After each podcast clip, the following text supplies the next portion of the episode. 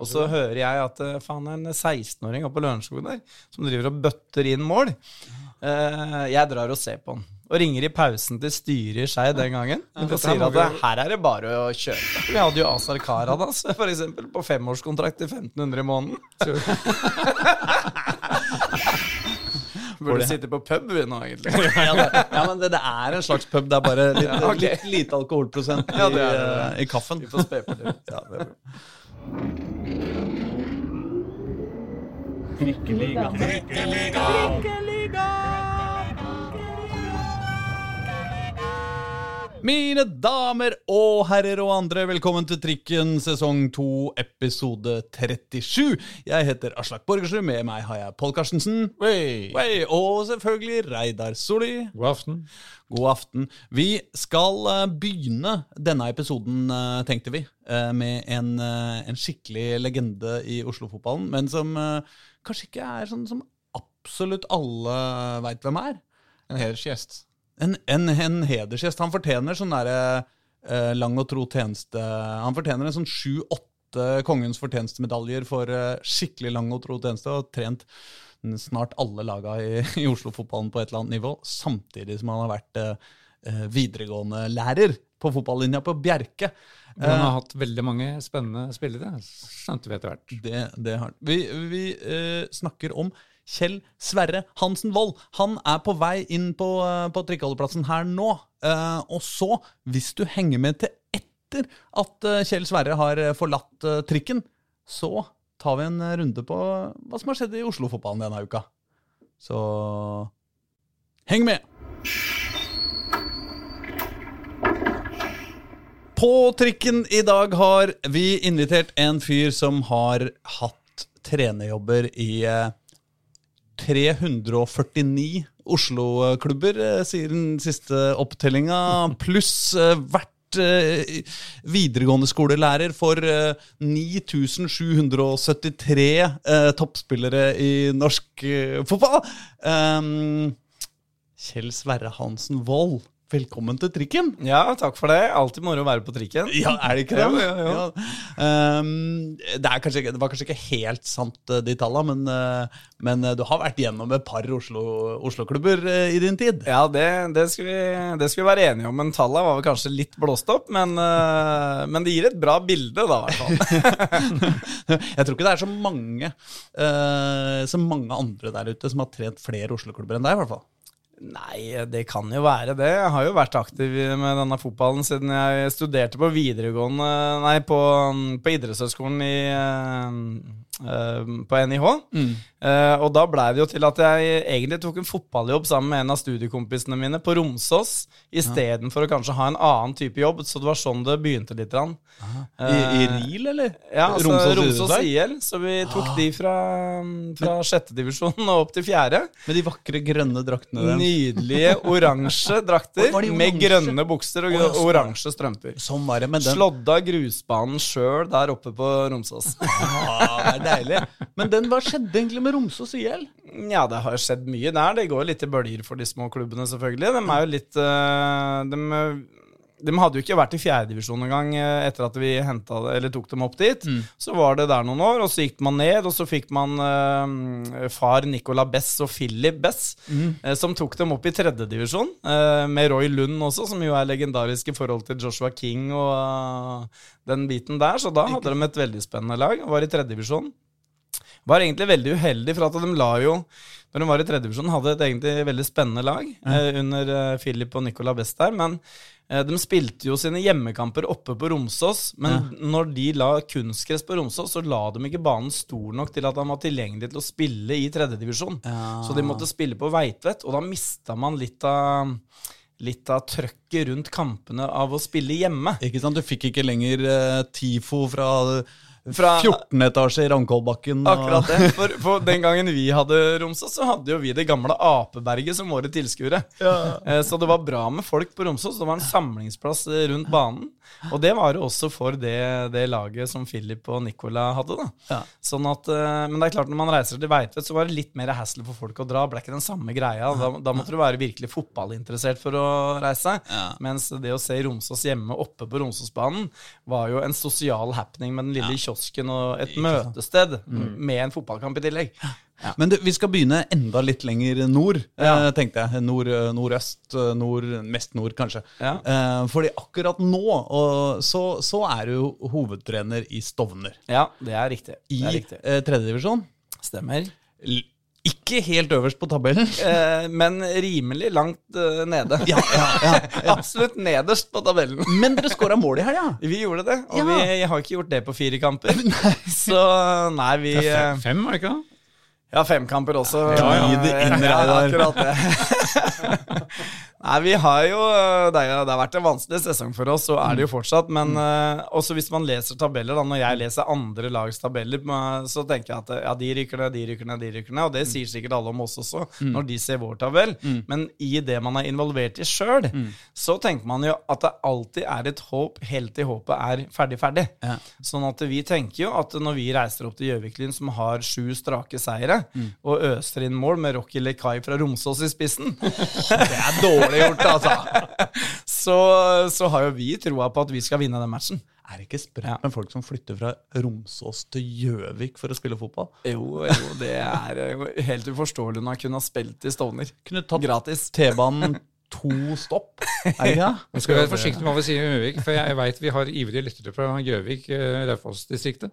Men eh, det er, jo til, det er jo fakta du kommer med. Ja, det er jo er fra Tromsås. ja, det er, det er den faktisk. Det er den faktisk. Men man har jo en kjent trener der oppe òg, eller er kjent og kjent. Espen Haug, som trente Raufoss i mange mange år. Så de har en storsatsing på gang i i Gjøvik, og de er jo eh, Ja, det ser jo til at de går opp nå, da. De har satsa hardt i flere år. Og som vi har lært at ikke er Espen Haug som spilte på Vålerenga. Ja, Det har vi fått beskjed med, for det nevnte vi her Altså, i en det sending for et par uker siden. Ja, fikk vi påpekninger. Dette er Espen Haug Raufoss og Lillestrøm, og han hadde vi også planer om å kjøpe til Skeid, men han gikk til Lillestrøm i stedet. Jeg eh, har blitt så glad i eh, Stovner-laget uten å ha sett eh, dere spille en eneste kamp, eh, dessverre, men bare ved å følge dere på Facebook Ja. eh, og på websidene deres. For der er det noe veldig flotte utlegninger om hver eneste kamp, med bilder og, og det hele. Er det du som, er ikke du som sitter og Nei, skriver altså det jeg er old school, så jeg kan ikke drive med sånt. Nei, men. Vi har, men vi har folk som er mer moderne enn meg der oppe, Ja. som er veldig ivrige på det, og det er jo det er jo en bevisst strategi fra oss i klubben. Mm. Eh, Så der kan jeg si at jeg har vært involvert og, og få fram Altså hvordan kan man skape forbilder og interesse rundt noe i Groruddalen, Mm. oppe på Stovner, i en klubb som hvem skal holde med Stovner, hvem skal være stolte av å være der. Mm. Og da har vi jo lansert at vi vil ha Stovner-TV, og viktig jo at vi er på Instagram, og at de yngre lagene våre kommer med bilder på Instagram, Mm. sånn at det er gøy å være en del av en liten klubb. Mm. Så det har vært en bevisst strategi. Det er ikke så veldig liten klubb. Ja. Den er slått sammen av Rommen og Ja, vi har blitt større nå. Ja. Vi er, vi er blitt større nå, så vi var jo den gangen jeg kom dit, og Petter, da, vi kom dit for fem år siden, så var, jo, var det jo Rommen, og så var Vestli tilsvarende. Vi var jo i samme avdeling også. Vi tapte første matchen for Vestli faktisk, det året også. Men det må ha vært noen gode nabooppgjør eh, der? Ja, det var fine nabooppgjør med bra temperatur der. Så det var jo øh, sånn det skal være mellom to klubber som er rett i nærheten av hverandre. Et øh, fotballhatforhold. Og så er jo blokkene der oppe er jo også litt sånn forma som tribuner. Ja det er jo litt sånn skrå De skråner jo liksom ned Man burde jo kunne Altså, det uh, Det må Det er på være Jesperud, ja. ja. Ja. Bak Stovner-senteret. Jo, jo, men Ja. det, det låter jo som det stedet hvor man virkelig burde ha bygd en stadion med leiligheter. Uh, altså, Fordi alle leilighetene er sånn terrasse. Der bygde man leiligheter og så en bane. Ja, men det er bra. Nei, men Så du har vært der i fem år? Jeg har vært der i fem, fem år nå, og da hadde vi jo, når vi kom dit, så hadde de en eh, 54 fotballspillere for A-laget på lista. Eh, Og når vi hadde første møte, så var det sju stykker. Så det var liksom fotball i leksia. Man kom og gikk litt og trente og spilte når det passa. Ja. Eh, og så har vi fått fra å trene en og en halv gang i uka til nå å ha en gruppe som trener en fire-fem ganger i uka. Eh, fått uh, Og en garderobekultur og sånn som en fotballklubb på en måte skal være. Mm. Fått tetta igjen alle årgangene i Yngres avdeling. Eh, som var ett, besto av ett lag fra Rommen sin side tidligere, og, Rom, og Vestli også sleit med lagene sine. Hva mente du nå? Tetta igjen Ja, alle tetta igjen altså alle årsklassene. Altså Ja. Vi hadde ikke juniorlag, vi hadde ikke ja, sånn, guttelag. ja. sant? Vi hadde et 14-årslag. Ja. Ja, sånn, nå, har vi, nå har vi lag i alle, Ja. sånn at Ja. vi kan gi tilbud til mange om å spille fotball. Mm. Hadde ikke noe spesielt sånn barnefotballopplegg, det har vi nå. Vi har fotballskoler. Eh, og fotballskolene de må jo drives gratis der oppe. Vi prøvde en gang at det skulle koste 200 kroner for en fotsalluke. Da kom det én. Sånn at eh, alt må være helt gratis Ja. uh, for at det skal komme, og da kommer det 70.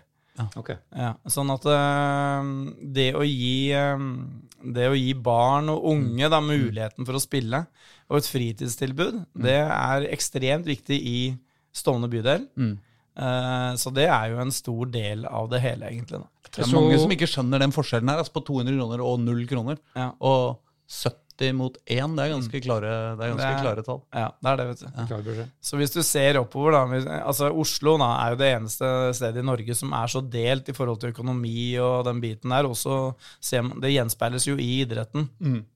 Så hvis du reiser til eh, vestover, og du reiser kanskje opp mot eh, Ekeberg, så ser du akademier sant, som koster flere tusen i, i måneden å være delaktige. Og det ser vi også nå gir seg utslag på de norske landslagene, hvor det er flere og flere hvite gutter med sideskill som, eh, som preger landslagsbildene, mens det er færre utenlandske gutter fra, fra Holmlia og fra, fra Groruddalen. Og det har med at akademiene på en måte tilbys i de områdene hvor det er mest penger, mens det er eh, løkkefotballen har blitt konkurrert ut lite grann.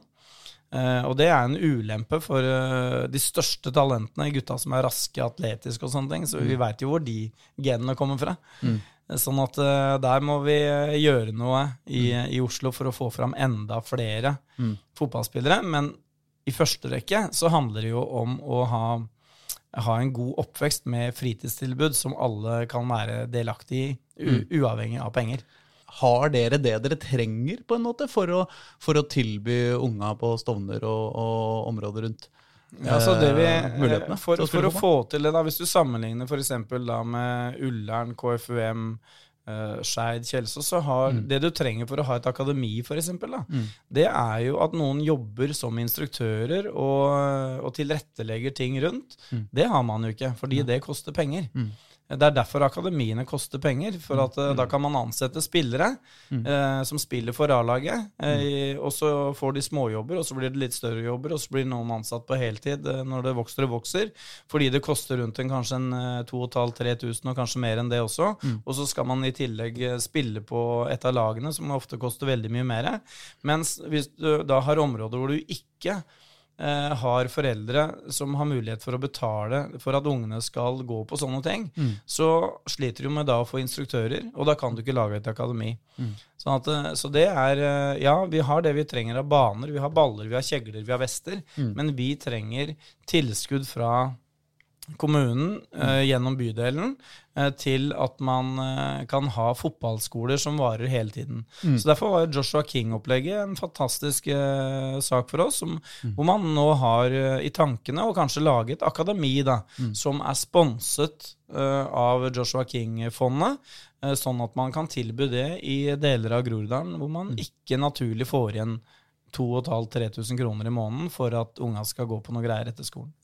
Og da er det egentlig 22-åringene eh, som du er hypp på å ansette til Ja, å trene, til å da- trene 10-åringene, liksom. Og det er en måte å bygge opp et A-lag på også. Eh, Koffa har jo på en måte bygd opp A-laget sitt på den eh, måten der eh, i stor grad.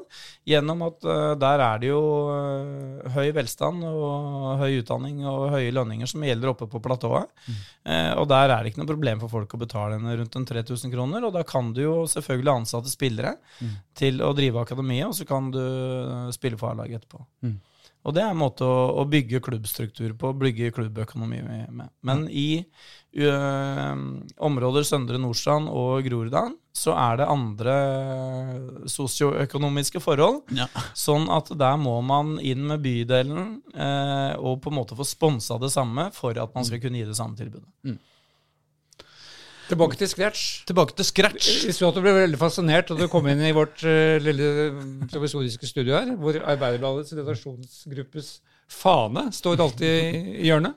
Eh, hvorfor la du merke til den? Men altså, det, jo, det minner meg jo om gamle dager. Altså, hjemme hos oss, da, så vi, eh, Faren min var jo rød, og det var jo hele familien. Og vi holdt med fotballag som var rød. Vi holdt med Skeid, og vi holdt med Manchester United. Klassiske arbeiderklubber. Og blå, det var en farge for havet og himmelen. Sånn at uh, vi hadde vi, vi skulle ikke lese Aftenposten. Det var helt utelukka å lese Aftenposten. Og Arbeiderbladet, den landa på døra hele tiden. Mitt høydepunkt med Arbeiderbladet, det var jo å se når tippekampen kom på fredag. Så det var Ja, helt krise hvis ikke det ble nevnt i en liten setning et eller annet sted. Ja, for, men det ble holdt hemmelig lenge fra, fra, fra TV-selskapenes side. Vi fikk ikke lov å fortelle Nei. hvem som skulle spille. Nei, Så, så noen, på ganger fredag. kunne vi, vi kunne ha sladda bilder Ja. av spillere på de lagene som skulle spille. Så fikk folk gjette hva det var for noe. Er det sant? Så jeg har virkelig vokst opp med Arbeiderbladet, så jeg ble nesten litt mer lei meg når det, når det da gikk over til å hete Dagsavisen. For Arbeiderbladet er jo, er jo da det jeg har inngrodd, da. Det er flere som har tenkt den, eh, den tanken. Eh, Nå ser jeg har vi eh, Martin Tranmæl sist og skuer sånn over deg, over skulderen din, bak deg fra, fra Malheim på veggen. Jeg, det, han ville vridd seg i grava vet du, over dette, dette navnet. Men det er jo godt, det første du ser når du kommer inn her, at jeg ser en faen av Arbeiderbladet.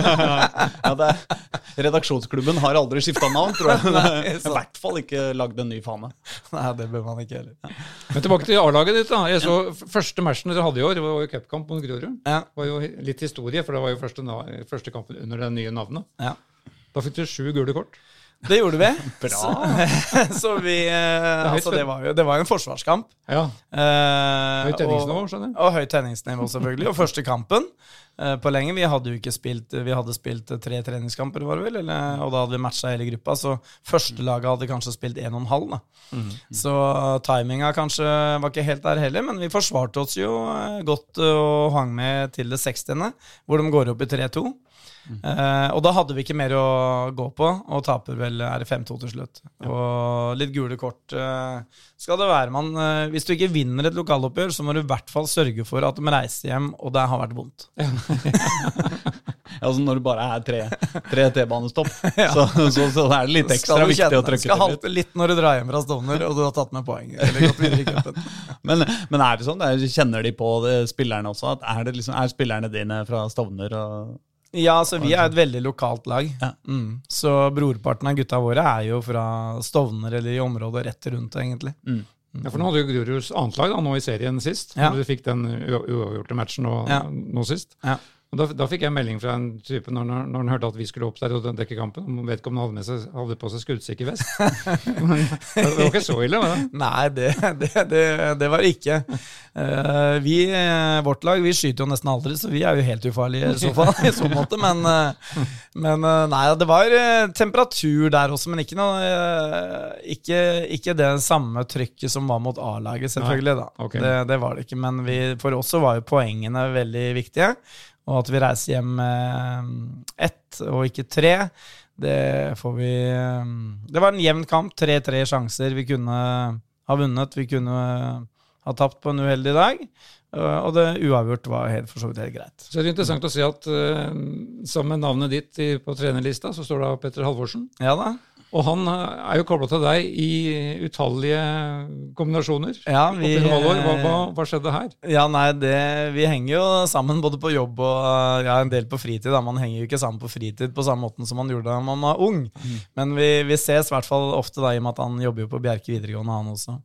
Eh, og mm, ja, Hvis vi skal dra historien på hvordan vi ble kjent, så var jo det fordi jeg dro til Lørenskog for mange år siden. Jeg trente, var en del av trenerteamet til Bjarne Rønning. Assistenttrener til Bjarne Rønning. Da var vi i Tippeligaen med Skeid. Og jeg dro opp for å se på John Carew, som da var spiss i Lørenskog og, i tredjedivisjon, og øste inn mål der i vårsesongen. Og tenkte at ok, vi må opp og se uh, hvem det her er. Nå er vi i 97, da, kanskje starten? Ja, det 96 eller noe sånt? 97, tenker jeg. Ja, i området der, ja. 98 nå i området der. Nei, det kan ikke være 98. Altså. Nei, såpass nei. husker jeg. For Jon Carew var i Vålerenga i 97. Ja, greit. jeg tror han kom eh, til Vålerenga i sommeren 97. Ja. Ja, men da er det i forkant der, da. For Ja. han går til Vålerenga rett etterpå. ja, ikke sant? For, vi, for jeg ringer jo da mm, eh, Håkon Lie Madsen og Terje Martinsen sier at her er det bare å kjøpe, for maken til steg og fysikk, det skulle jeg leite lenge etter, liksom. Så han eh, Og så var vi litt på, men Hvor, eh, i, i, hvor, hvor lenge hadde du sett den da? Nei, da, jeg hadde bare sett den den ene omgangen. Ja, ja ikke sant? Ja, ja. Du har sett den i 45 minutter og, og, mener, og ringer og sier Ja, det er bare å kjøpe. er altså, så når, når du ser han løper, Mm. så skjønner du at hvis du, hvis han eh, Hvis du Mm. får til han som spiller i forhold til de taktisk-tekniske elementene Han er Mm. begrensa teknisk, f.eks. Mm. Taktisk eh, helt grei, liksom. Men når du, når du har det utgangspunktet, Mm. Eh, så, og hvis du får det til, så er det jo gull. Mm. Og det viste det seg å være også. Mm. Eh, Så det var, akkurat det var enkelt å se. Ja. eh, og du er 16 år, og tredjedivisjon er ganske ok nivå, selv om det var flere, det var tolv avdelinger på den tida der, så tenkte jeg at nei, det der Og han var uoppdaga, for vi så alltid på spillere som ikke var henta til de større klubbene. Mm. Men jeg reiste rundt og så på spillere som var i klubber som var mindre enn Skeid, for mm. de kunne kanskje vi få tak i, mm. før de ble oppdaga av andre. Mm. Og Kari var ikke helt på radaren til alle andre eh, enn så lenge da. Men så fort vi var på'n da, så var jo Lillestrøm og Vålerenga på også. Og da var jo vi sjanseløse. Ja. Og da henta jeg Petter Halvorsen, som var Karev sin spissmakker i den kampen. så da dro vi på kontoret der på mandag i stedet sa nei, men ok, vi får ikke Karev. Vi får uh, Kanskje ikke mandagen etter, da, men det var ganske kort tid etterpå. Så kjøpte vi da Petter Halvorsen fra Lørenskog til Skeid. Og når han måtte legge opp pga.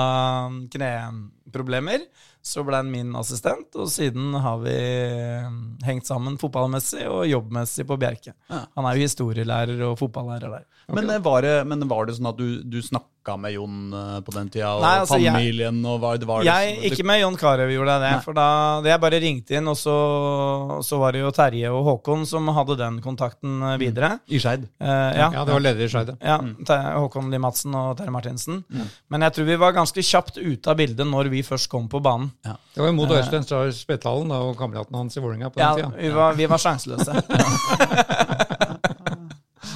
Så hvis du, men hvis du hadde fått Kari, da, så hadde han vært assistenten din i Stovner ja, da hadde vel blitt motsatt. Jeg kunne. Tenk deg det, Lille Jon. Du kunne jo vært historielærer på Bjerke, du nå. Akkurat det.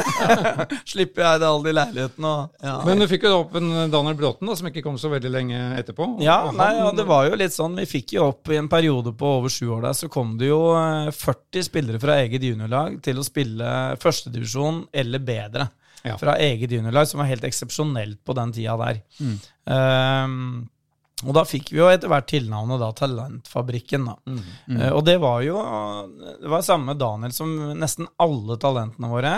Uh, ikke i landslagssjiktet. Ikke på en måte på radaren hos de store. Det var Vålerenga. Molde skrev jo B-brev på alle som var på regionsamling. Det ville de ha på noe akademi til Molde. Ja. Så vi henta på en måte spillere rett under der. Mm. Og så var vi veldig oppmerksomme etter å se etter spillere som var atletiske, eller hadde noe spesielt ved seg. Mm.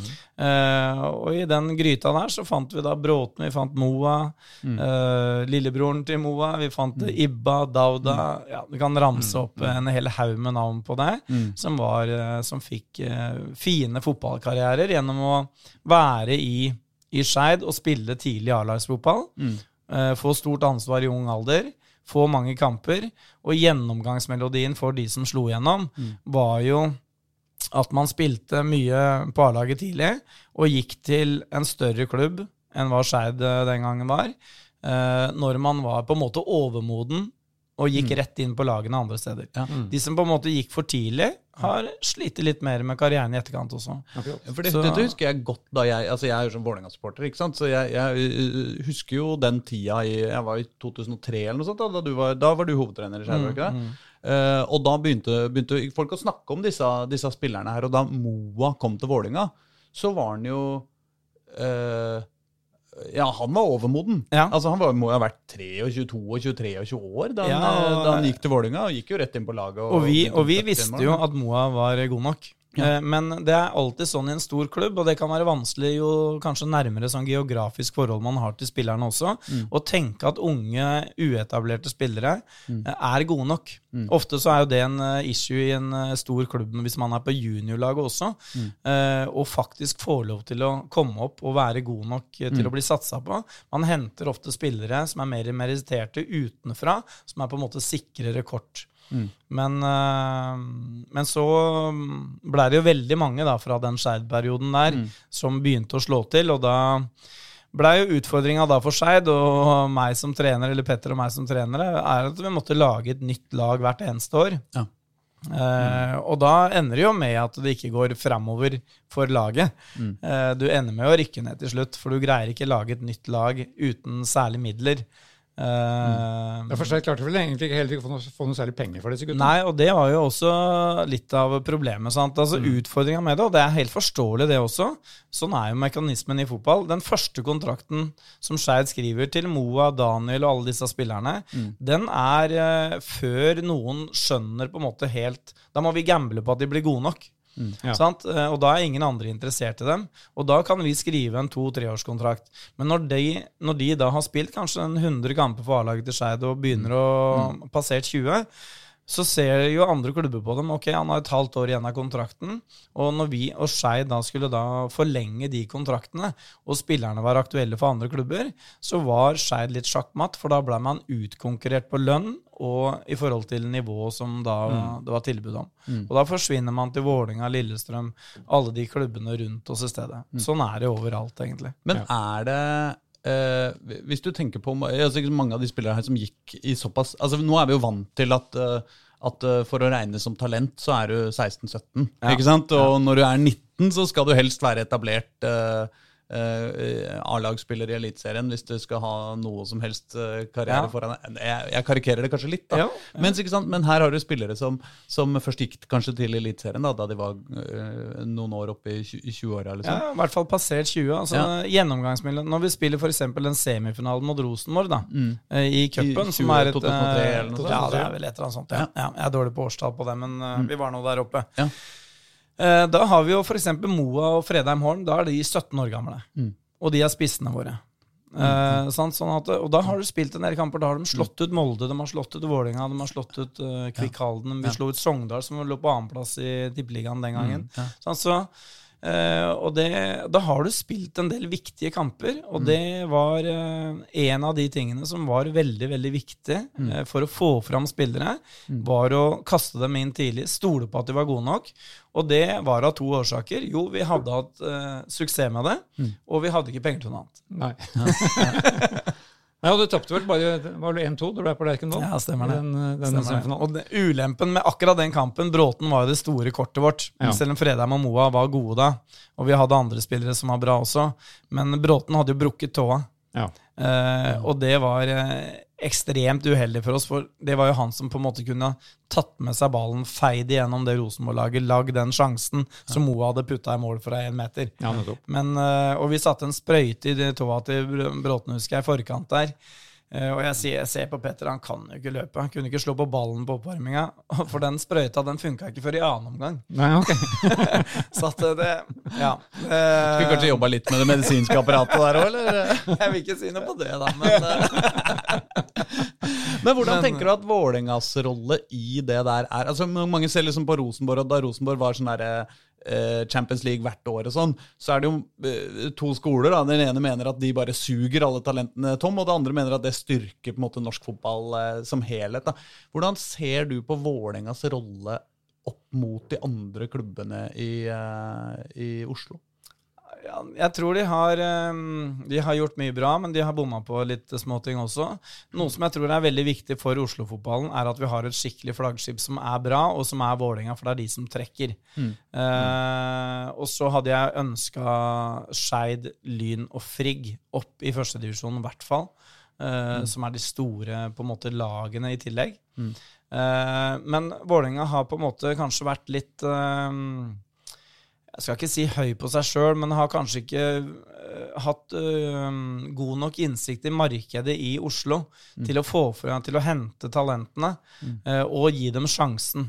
Kanskje først og fremst det siste, fordi man ønsker en plassering så høyt oppe, fordi nåløyet da blir så smalt å komme gjennom, og fordi forventningene om Vålerengas plassering utenfra, og sikkert fra innad i styre og sponsorer, er så høy, så er det vanskelig å satse på talenter som du ikke helt veit om er gode nok. Eh, og da går man glipp av en del Oslo-spillere, og det får man jo påpakt på i de fleste klubber. Eh, og Vålerenga også. Eh, og så har man gjort et grep med det i Vålerenga ved å ha Man har en veldig bra yngres avdeling der nå. Ja, for de har vel bevisst lagt om den kursen litt? Ja, de har bevisst Ja. gjort det, eh, for, for de ser at de er nødt til å produsere litt egne spillere. Mm. Og da må de åpne plasser i Asdalen for lokale, egne gutter. Eh, som kommer fra, kommer fra disse områdene rundt i Oslo som har produsert gode spillere. da.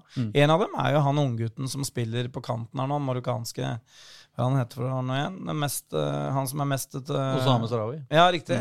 Sant? Han er jo en klassisk sånn løkkespiller. Ja. Som du ikke kan uh, få fra andre steder, kanskje, enn akkurat der han kommer fra. Lekt på Løkka. Eh, Fantastisk med det og alle de tingene som det er. Og så ser du at eh, ok, når han får muligheten, så blei det faktisk bra nok. Men jeg bare mener Det må jo være vanskelig også for, i, som i den situasjonen dere var i Skeid, at, du- at du mister eh, alle de beste spillerne.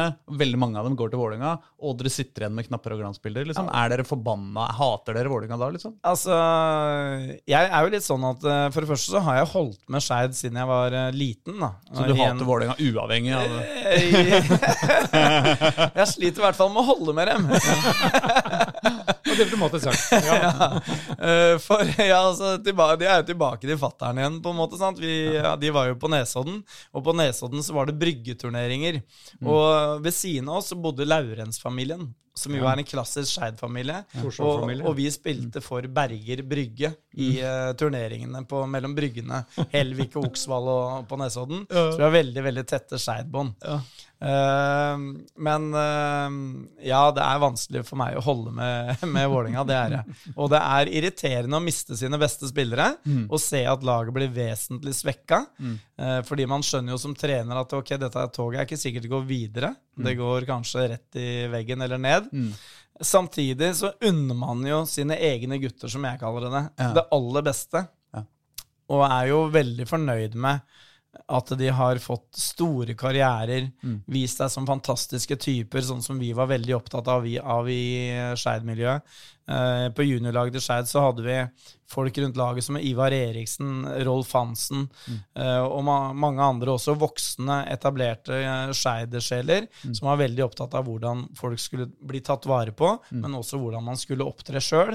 Og det, hvis du snakker med Moa og alle disse gutta, så nevner de jo det sjøl også. Hvor viktig det var for å bygge karakter som menneske, ikke bare å bli en god fotballspiller. Og så var han jo veldig til å slutte sirkelen, da, Daniel Bråten, som da kom tilbake til Skeid Ja. Etter vært i Frankrike og England. Og så skårer han det siste målet, vel, i hele sesongen. Og Ja, sin, jeg sin synes egen er karriere i fjor fantastisk. mot Asker. Så jeg driver jo også prøver å få Bråten eh, til Stovner, da. så Ja, ok, selvfølgelig. Gjør du det? Er det noen sjanse der, eller? Nei, Per nå han er jo den vanskeligste i Norge å få tak i på telefon. Ja, det, er- det er ikke aleine om å, å få. Så, men eh, vi gir oss ikke. Nei.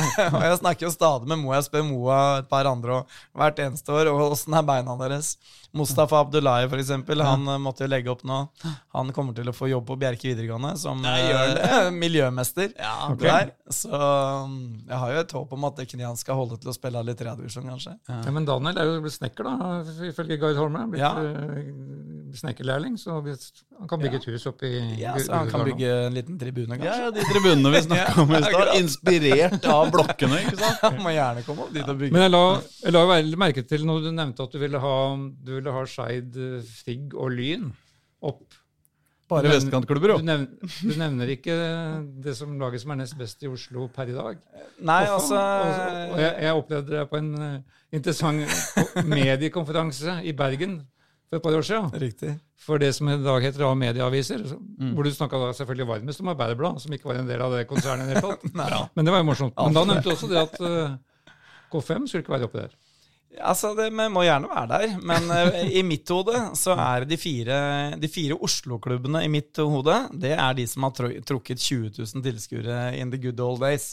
Det er de tradisjonelle klubbene, og at ikke forholdene Hvis vi tar Voldsløkka, for eksempel, da, som eh, jeg blir helt trist når jeg kjører forbi Voldsløkka nå. Det er sikkert hyggelig å drive med aktivitet der, men Voldsløkka skulle vært Oslo-arenaen for, uh, for Skeid, for Lyn og for uh, Frigg. Eh, hvis det er mulig å dele en arena på tre, uh, for å få de lagene på en måte eh, opp i systemet igjen. Jeg tror det hadde vært bra for rivaliseringa, for der er det tradisjoner langt tilbake i tid. Hvis vi ser på Lyn, jeg, jeg holder ikke med Lyn i det hele tatt, men, men de kan trekke mye tilskuere.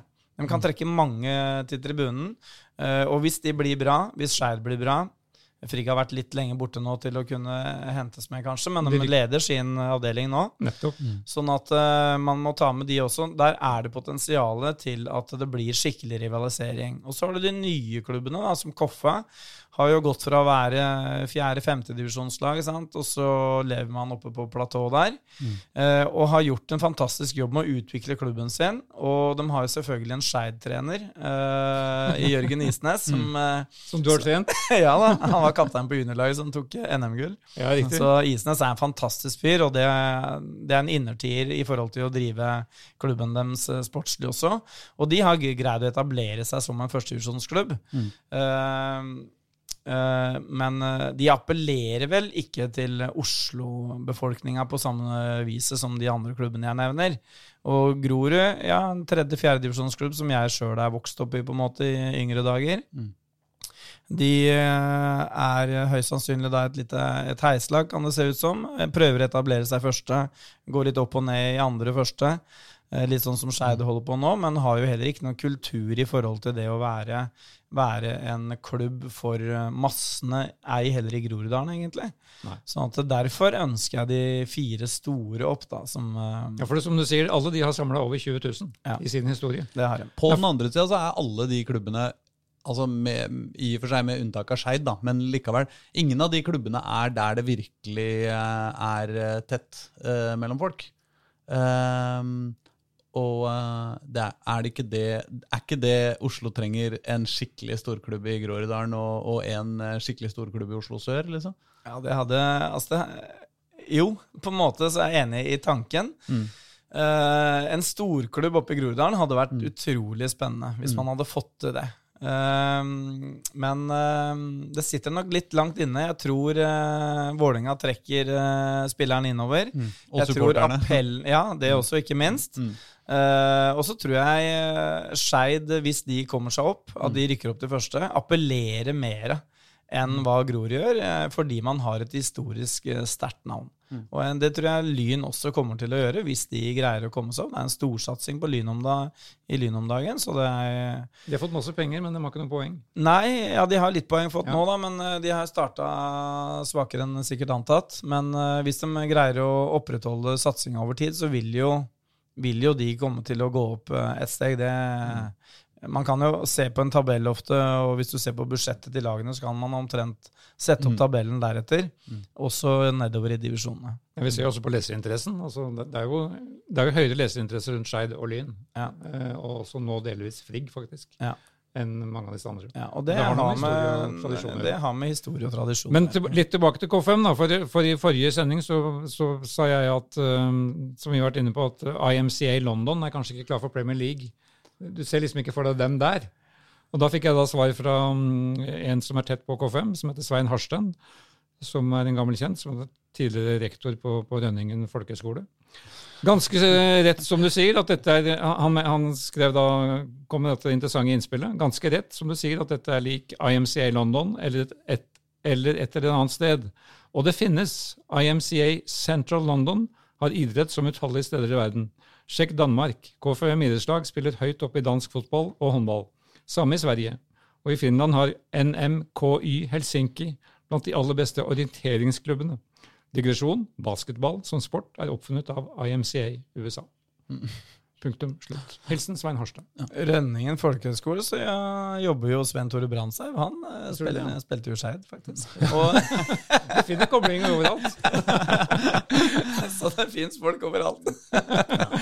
Men eh, nei, altså, K- KFM drives jo veldig godt som klubb. De er veldig flinke men jeg tror de har veldig mange flinke ledere i klubben, og bygde opp klubben på en veldig bra måte. At de eh, greier å lande den arenaen mm. oppe på platået. Men eh, jeg vil fortsatt hevde at eh, publikumsappellen i forhold til det at Koffa er oppe, den tror jeg er eh, den tror jeg kommer til å være akkurat der oppe, blant de som bor der. Jeg tror ikke de appellerer spesielt til resten av Oslo-befolkninga, på samme måte som kanskje en del av de andre lagene gjør. Um, din karriere. Vi, vi snakker jo tross alt om deg. Um, den er jo uh, liksom parallell Det er liksom en masse masse, masse klubber og trenerjobber. Ikke sant? Vi har vært innom Romsås, du har vært innom Gjelleråsen, Grorud, masse masse, masse Skeid. Men også Stabekk og Hønefoss og tilbake til Skeid. Manglerud Star, Follo, Kolbotn damer. Og tilbake til Skeid, og så nå eh, Rommen og, og, og Stovner. Men Og, og et kort opphold i Lyn også. Ja da, som, trenerutvikler. Ja, Men det var det ikke så lenge. Eh, Jeg var der en stund, faktisk. Okay. Jeg var der i over to år. Ja. Eh, Ble ansatt av han eh, Valstad som er i, i, i Asker nå. Veldig fin fyr, forresten. Mm. Eh, og hadde litt ansvar for å trene opp de Der syns jeg Lyn tenkte på en veldig bra måte. For de ønska å trene opp De hadde jo veldig mange trenere på andre- og tredjelagene sine. De har jo så veldig mange lag. Ja. Eh, og får mye trenere fra idrettshøyskolen og unge trenere, så vil de trene opp også andre- og tredjelagstrenerne for å utvikle de til å bli førstelagstrenere. Ja. Eh, og det er en bra tanke, for ofte så er det jo på en måte førstelagene som blir prioritert veldig, og så er det liksom ok, hvem er som trener, vi bare setter noen der. Men hvis man bruker det bevisst i forhold til å utvikle trenere og spillere, så vil man eh, få en gevinst i at man vil få fram både gode lag, gode spillere, og en og annen trener som kommer til å ta et nytt steg innad i egen klubb også. Men jeg avbrøt deg, Aslak. Du var i gang med et resonnement. Ja, det var et resonnement Ja. Fordi parallelt med dette så har du altså vært Bjerke videregående. Ja. Den har sikkert skifta navn noen ganger, den. Jeg vet ikke. Ja, den var jo Linderud videregående. Jeg gikk jo på den skolen Ja. sjøl også, som elev. Ja, ikke sant? Nei, så, så fant jeg på Wikipedia her eh, liste, selvfølgelig ukomplett, altså, men liste over fotballspillere som har gått på Bjerke videregående. Ja, Og da regner jeg med at du har trent alle sammen, da? det har jeg. Ja, altså fordi da er vi på uh, Moa, som, eh, som nevnt. eh, Mattis Bolli. eh, Daniel Bråten. eh, Ammerus eh, aller største sønn, ikke forkleinelse for noen, men Christer George. Ja, ja, ja. Eh, eh, Gunnar Halle. eh, André Hansen. Eh, og så er jo deg, da, står, står på lista. Flamur Kastrati, Preben Mankovic, Simen Stamse, Møller. Altså, du har vært, eh, har vært eh, du, du, Er du egentlig en slags sånn edderkopp i Oslo-fotballen som har hatt din klamme trenerhånd over, over alle spillerne? Jeg håper ikke han har vært så jævla klam, men, men jeg har vært borti mange spillere, ja. Og, og altså den gangen jeg kom som lærer da, til Bjerke, så hadde man jo én idretts, uh, en, et, en idrettsklasse mm. på alle parallellene. Nå har man tre på alle parallellene. Og årsaken til at det har blitt flere og flere, det er jo fotballspillere. Ja. Uh, og hvordan det begynte, var jo at uh, eh, før så trente jo på en måte jentene Når Christer gikk der, da, Christer George, så trente jo jentene og guttene som spilte fotball, spilte sammen. liksom, og Det var hyggelig og fint. Det inn i Veitotalen, hvor frostrøyken sto om vinteren. Eh, men så har det utvikla seg til å bli fem-seks grupper, og de, differensierte grupper og et helt annet opplegg enn den gangen. Sånn at uh, gjennom, Og gjennom det så var det jo på en måte det laget i Skeid som vant NM-gull to år på rad, som blei mange spillere som tok steget til A-laget, de gikk også på Bjerke. Mm. Uh, sånn at det var naturlig. De bodde sånn noenlunde i nærheten. Det var uh, lett for dem å på en måte begynne på Bjerke, fordi da, der gikk det andre som eh, spilte fotball med. Mm. Sånn at og da ble det jo veldig veldig mange spillere over tid som, eh, som kom til oss. Og så blei jo det et varemerke for skolen også, Ja. at man hadde en bra fotballsatsing der. Eh, for da var det jo Vang den gangen som man på en måte konkurrerte med, da, som var den private skolen man konkurrerte med. Lambertseter hadde ikke noe trykk på det, de ville være en sånn breddevariant på det. Ulsterud hadde ikke det samme, hvor jeg for øvrig har jobba også. De hadde en eller annen slenger av en god spiller. Persbråten var ikke opp- den hesten og rei den gangen. Så man, det var liksom Bjerke som hadde fotballinja, på en måte, og som blei større og større. Og da har du den tilsvarende som vi, som vi, vi snakka om røde og blå aviser og røde og blå klubber. ikke sant? Og så Ja, har du har da jo litt det den også. offentlige fotballskolen og den Akkurat private. Riktig, fotballskolen. Riktig. Så da fikk jeg jo vann på mølla i forhold til å være med å produsere da, flest mulig spillere. Ja. Så vi har jo sånn som Fredrik Krokstad er jo i Lillestrøm nå, f.eks. Og vi har jo Bruno Leite, som var hos oss, som er i Proff i Kypros nå. Så vi har jo Manstorg Veie, Tavakoli, som var her forrige uke, eller hva det var for noe. Han har varmt om deg, blant annet. Ja, ja, takk det, det samme. Så- Ja da, så vi børsta støvet. Eller børst. det, var, det, var en, eh, altså det er en historie rundt David. Da. Det, altså David var jo, spilte jo litt på andrelaget til Skeid, egentlig. På, på junior og gutt. Mm. Var veldig talentfull. Litt lazy i forhold til måten å, å jobbe på på banen. Ja. Og så snakka jeg med David om at eh, For vi har alltid prioritert fotsal veldig høyt uh, på Bjerke. Okay. Og ment at det har vært en viktig greie. Eh, og så sa jeg at jeg tar deg inn i A-gruppa, men da må du gjøre én ting. Du må begynne å jobbe. Ja.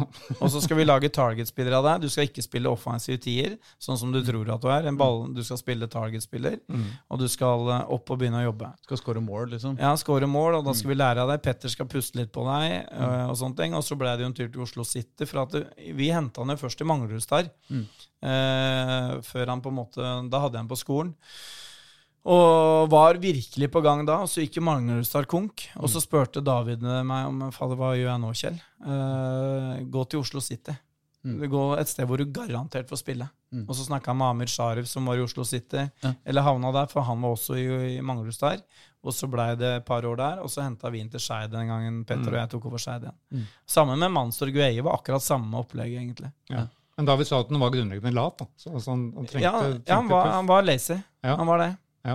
Ja. Sånn at eh, det var utfordringa i spillet hans, var at han gode ferdigheter. Uh, kunne trylle med ballen, men uh, du må jo løpe. så, uh, og det lærte han seg, og når han er i form, så er han jo en kanonspiller, for da er han, han er, Alle spillere er avhengig av å være fit. Men eh, skal du være en target-spiller som presser og trykker på, orker å ta imot ballen og så løpe opp i boksen, så er det mye spurter, og du må, du må være ordentlig fit for å få til det bra. Det er mange fotballspillere som, eh, som forteller på en måte, Når man ser sånn tilbake på karrieren, da, så sier de liksom «Eh, jeg skulle ønske jeg jobba hardere i slutten av tenåra. Liksom. Ja. At, jeg, at jeg trente mer og var mer proff og ble mindre kebab og mer eh, havrekli, eller hva man nå Ja. heter. Tenker du at det Har de rett? Eller, eller er det litt sånn eh, Jo, jo, men vi skal jo leve òg for å være lykkelige. Vi kan ikke, hvis vi bare trener, så blir vi bare deprimerte Ja, og nei, går på altså, veggen. det er det som er da. Altså, jeg tror at for at du skal lykkes da med det, så må du, du må ha lyst til å gjøre det.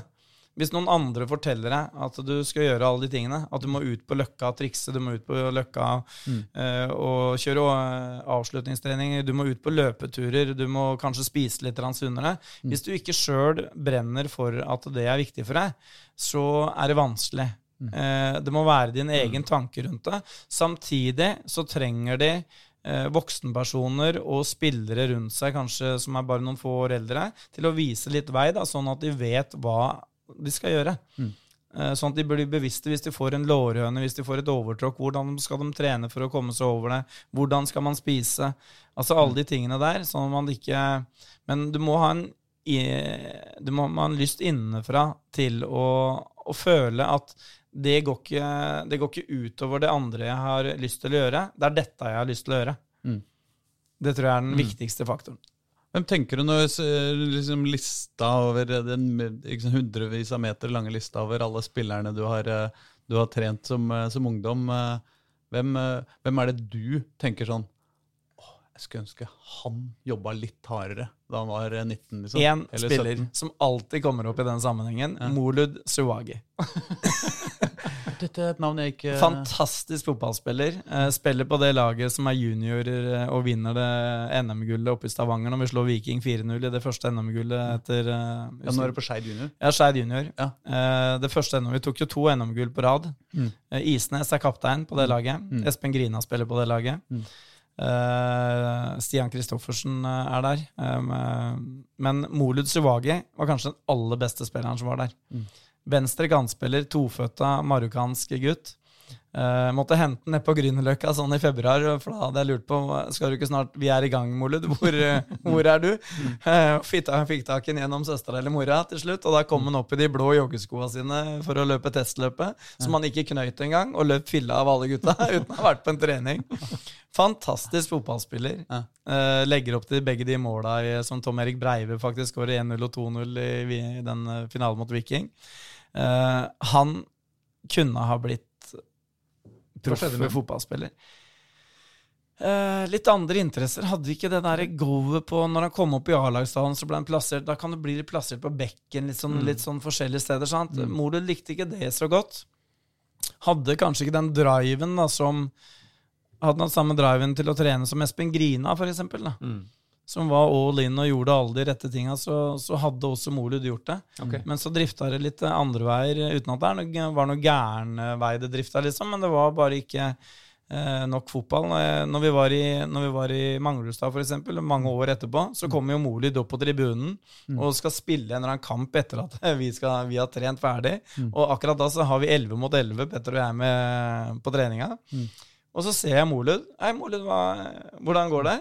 Eh, nei, så spiller jeg rett på Du, vi mangler en spiller. Bli med ned og spill. Og da er jo han god, han fortsatt. Ja. Når du snakker med Ibba, for eksempel, spør han om Morlud. Åssen er Molud på Løkka? Nei, så er jeg best, han. jeg vet ikke om han er det nå lenger, da, men, eh, men han var en fantastisk fotballspiller. Som ikke fikk den karrieren som jeg virkelig skulle ønske han hadde fått fotballmessig. da. Ja. Hva med motsatt, da? Hvem, eh, hvem er det du tenker som har nådd langt, og som virkelig har måttet jobbe for det? Ja, det er mange Hvis vi eh, For eksempel eh, Fredrik Krokstad for eksempel, da, i Lillestrøm. Ja. Ja, talentfull. Han eh, hadde den på, på skolen. Eh, Men maken til å trene, liksom. Han mm. Bra fotballhue, bra treningsmentalitet. Eh, André Hansen, uh, litt av det samme. Jeg oppdaga André Hansen jeg var og skulle se på Preben Mankovic. For Bjerkealliansen skulle møte Grei på Lørenbanen for mange år tilbake. I toppoppgjør i Interkrets G16, eller hva det var for noe. Ja. Eh, og da var jeg for å se på Preben, egentlig. Eh, og så jo det at ok, han kommer til å bli god. Men, men hvem er det som står i mål for Bjerkealliansen? Det var Morten Langli, tror jeg, som trener laget den gangen, faktisk. Okay. Eh, for han keeperen, han prata og skøyt ut så langt, og virka som en voksen mann som sto baki der, liksom. Så jeg undersøkte hva Ja, det er André Hansen. Så da henta vi han rett etterpå. Eh, og snakket Dette er ganske lenge siden nå. Dette det er, er ganske lenge siden, ja. Ja. Er, jeg tror Preben er 14 år gammel. Det er jo, det er jo ikke helt i starten av Skeid-perioden, men uh, det er på 2000-tallet denne gangen. Ja, og André André, begynner jo på Bjerke videregående også, nettopp. Uh, og håver jo inn seksere. Ja, ok. Eh, så det er ikke bare på fotballbanen han Nei. har eh, Ja, han var talentfull, men han var også så dedikert og nøyaktig i alt han gjorde, at du liksom Ja, han kunne ikke gjort noe mer, tror jeg. Men så mm. er det så herlig å se at han er så god da. Han meldte forfall til landslaget i forrige uke. Ja. Ja, så han han, ble skada, han også. han ble skadet. Han sikkert ikke jobba hardt. Nei, nei, da. Nei. Så, men det er veldig mange av spillerne som har jobba hardt. Og så tenker man ja, hva er det å jobbe hardt? Eksempel Moa. Da når han kom til skolen, så, så så jeg liksom venstrebeinet hans. Jeg hadde nede i Linderudhallen, og da skøyt han i tverrliggeren, husker jeg, på en sånn fotsaløkt vi hadde. Dundra han i tverrliggeren med strak rist. Eh, og da kjente ikke jeg Moa sånn veldig, for han var på andrelaget til guttelaget i Skeid. Og snakka litt med Moa. Ja, han skårer mye mål og liker å spille og sånne ting. Men han, nei, så snakka jeg med trenerne. Ja, han er kjempegod. Så spurte jeg liksom vil du ikke spille på førstelaget. Nei, nei, vente litt med det, da. Så han var litt sånn holdt igjen på det.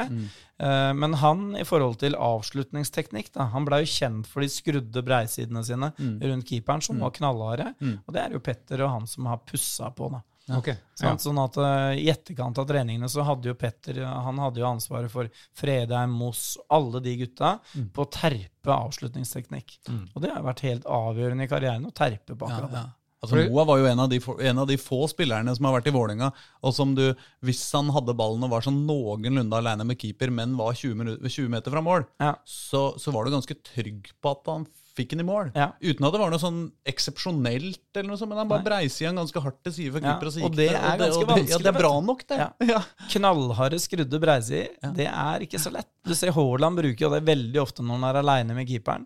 Skrur han til venstre for seg sjøl, veldig ofte. Og de veit nok at han skyter der, så skyter han en og annen gang i motsatt retning. Med en strak rist og en kipp litt og sånn har repertoar.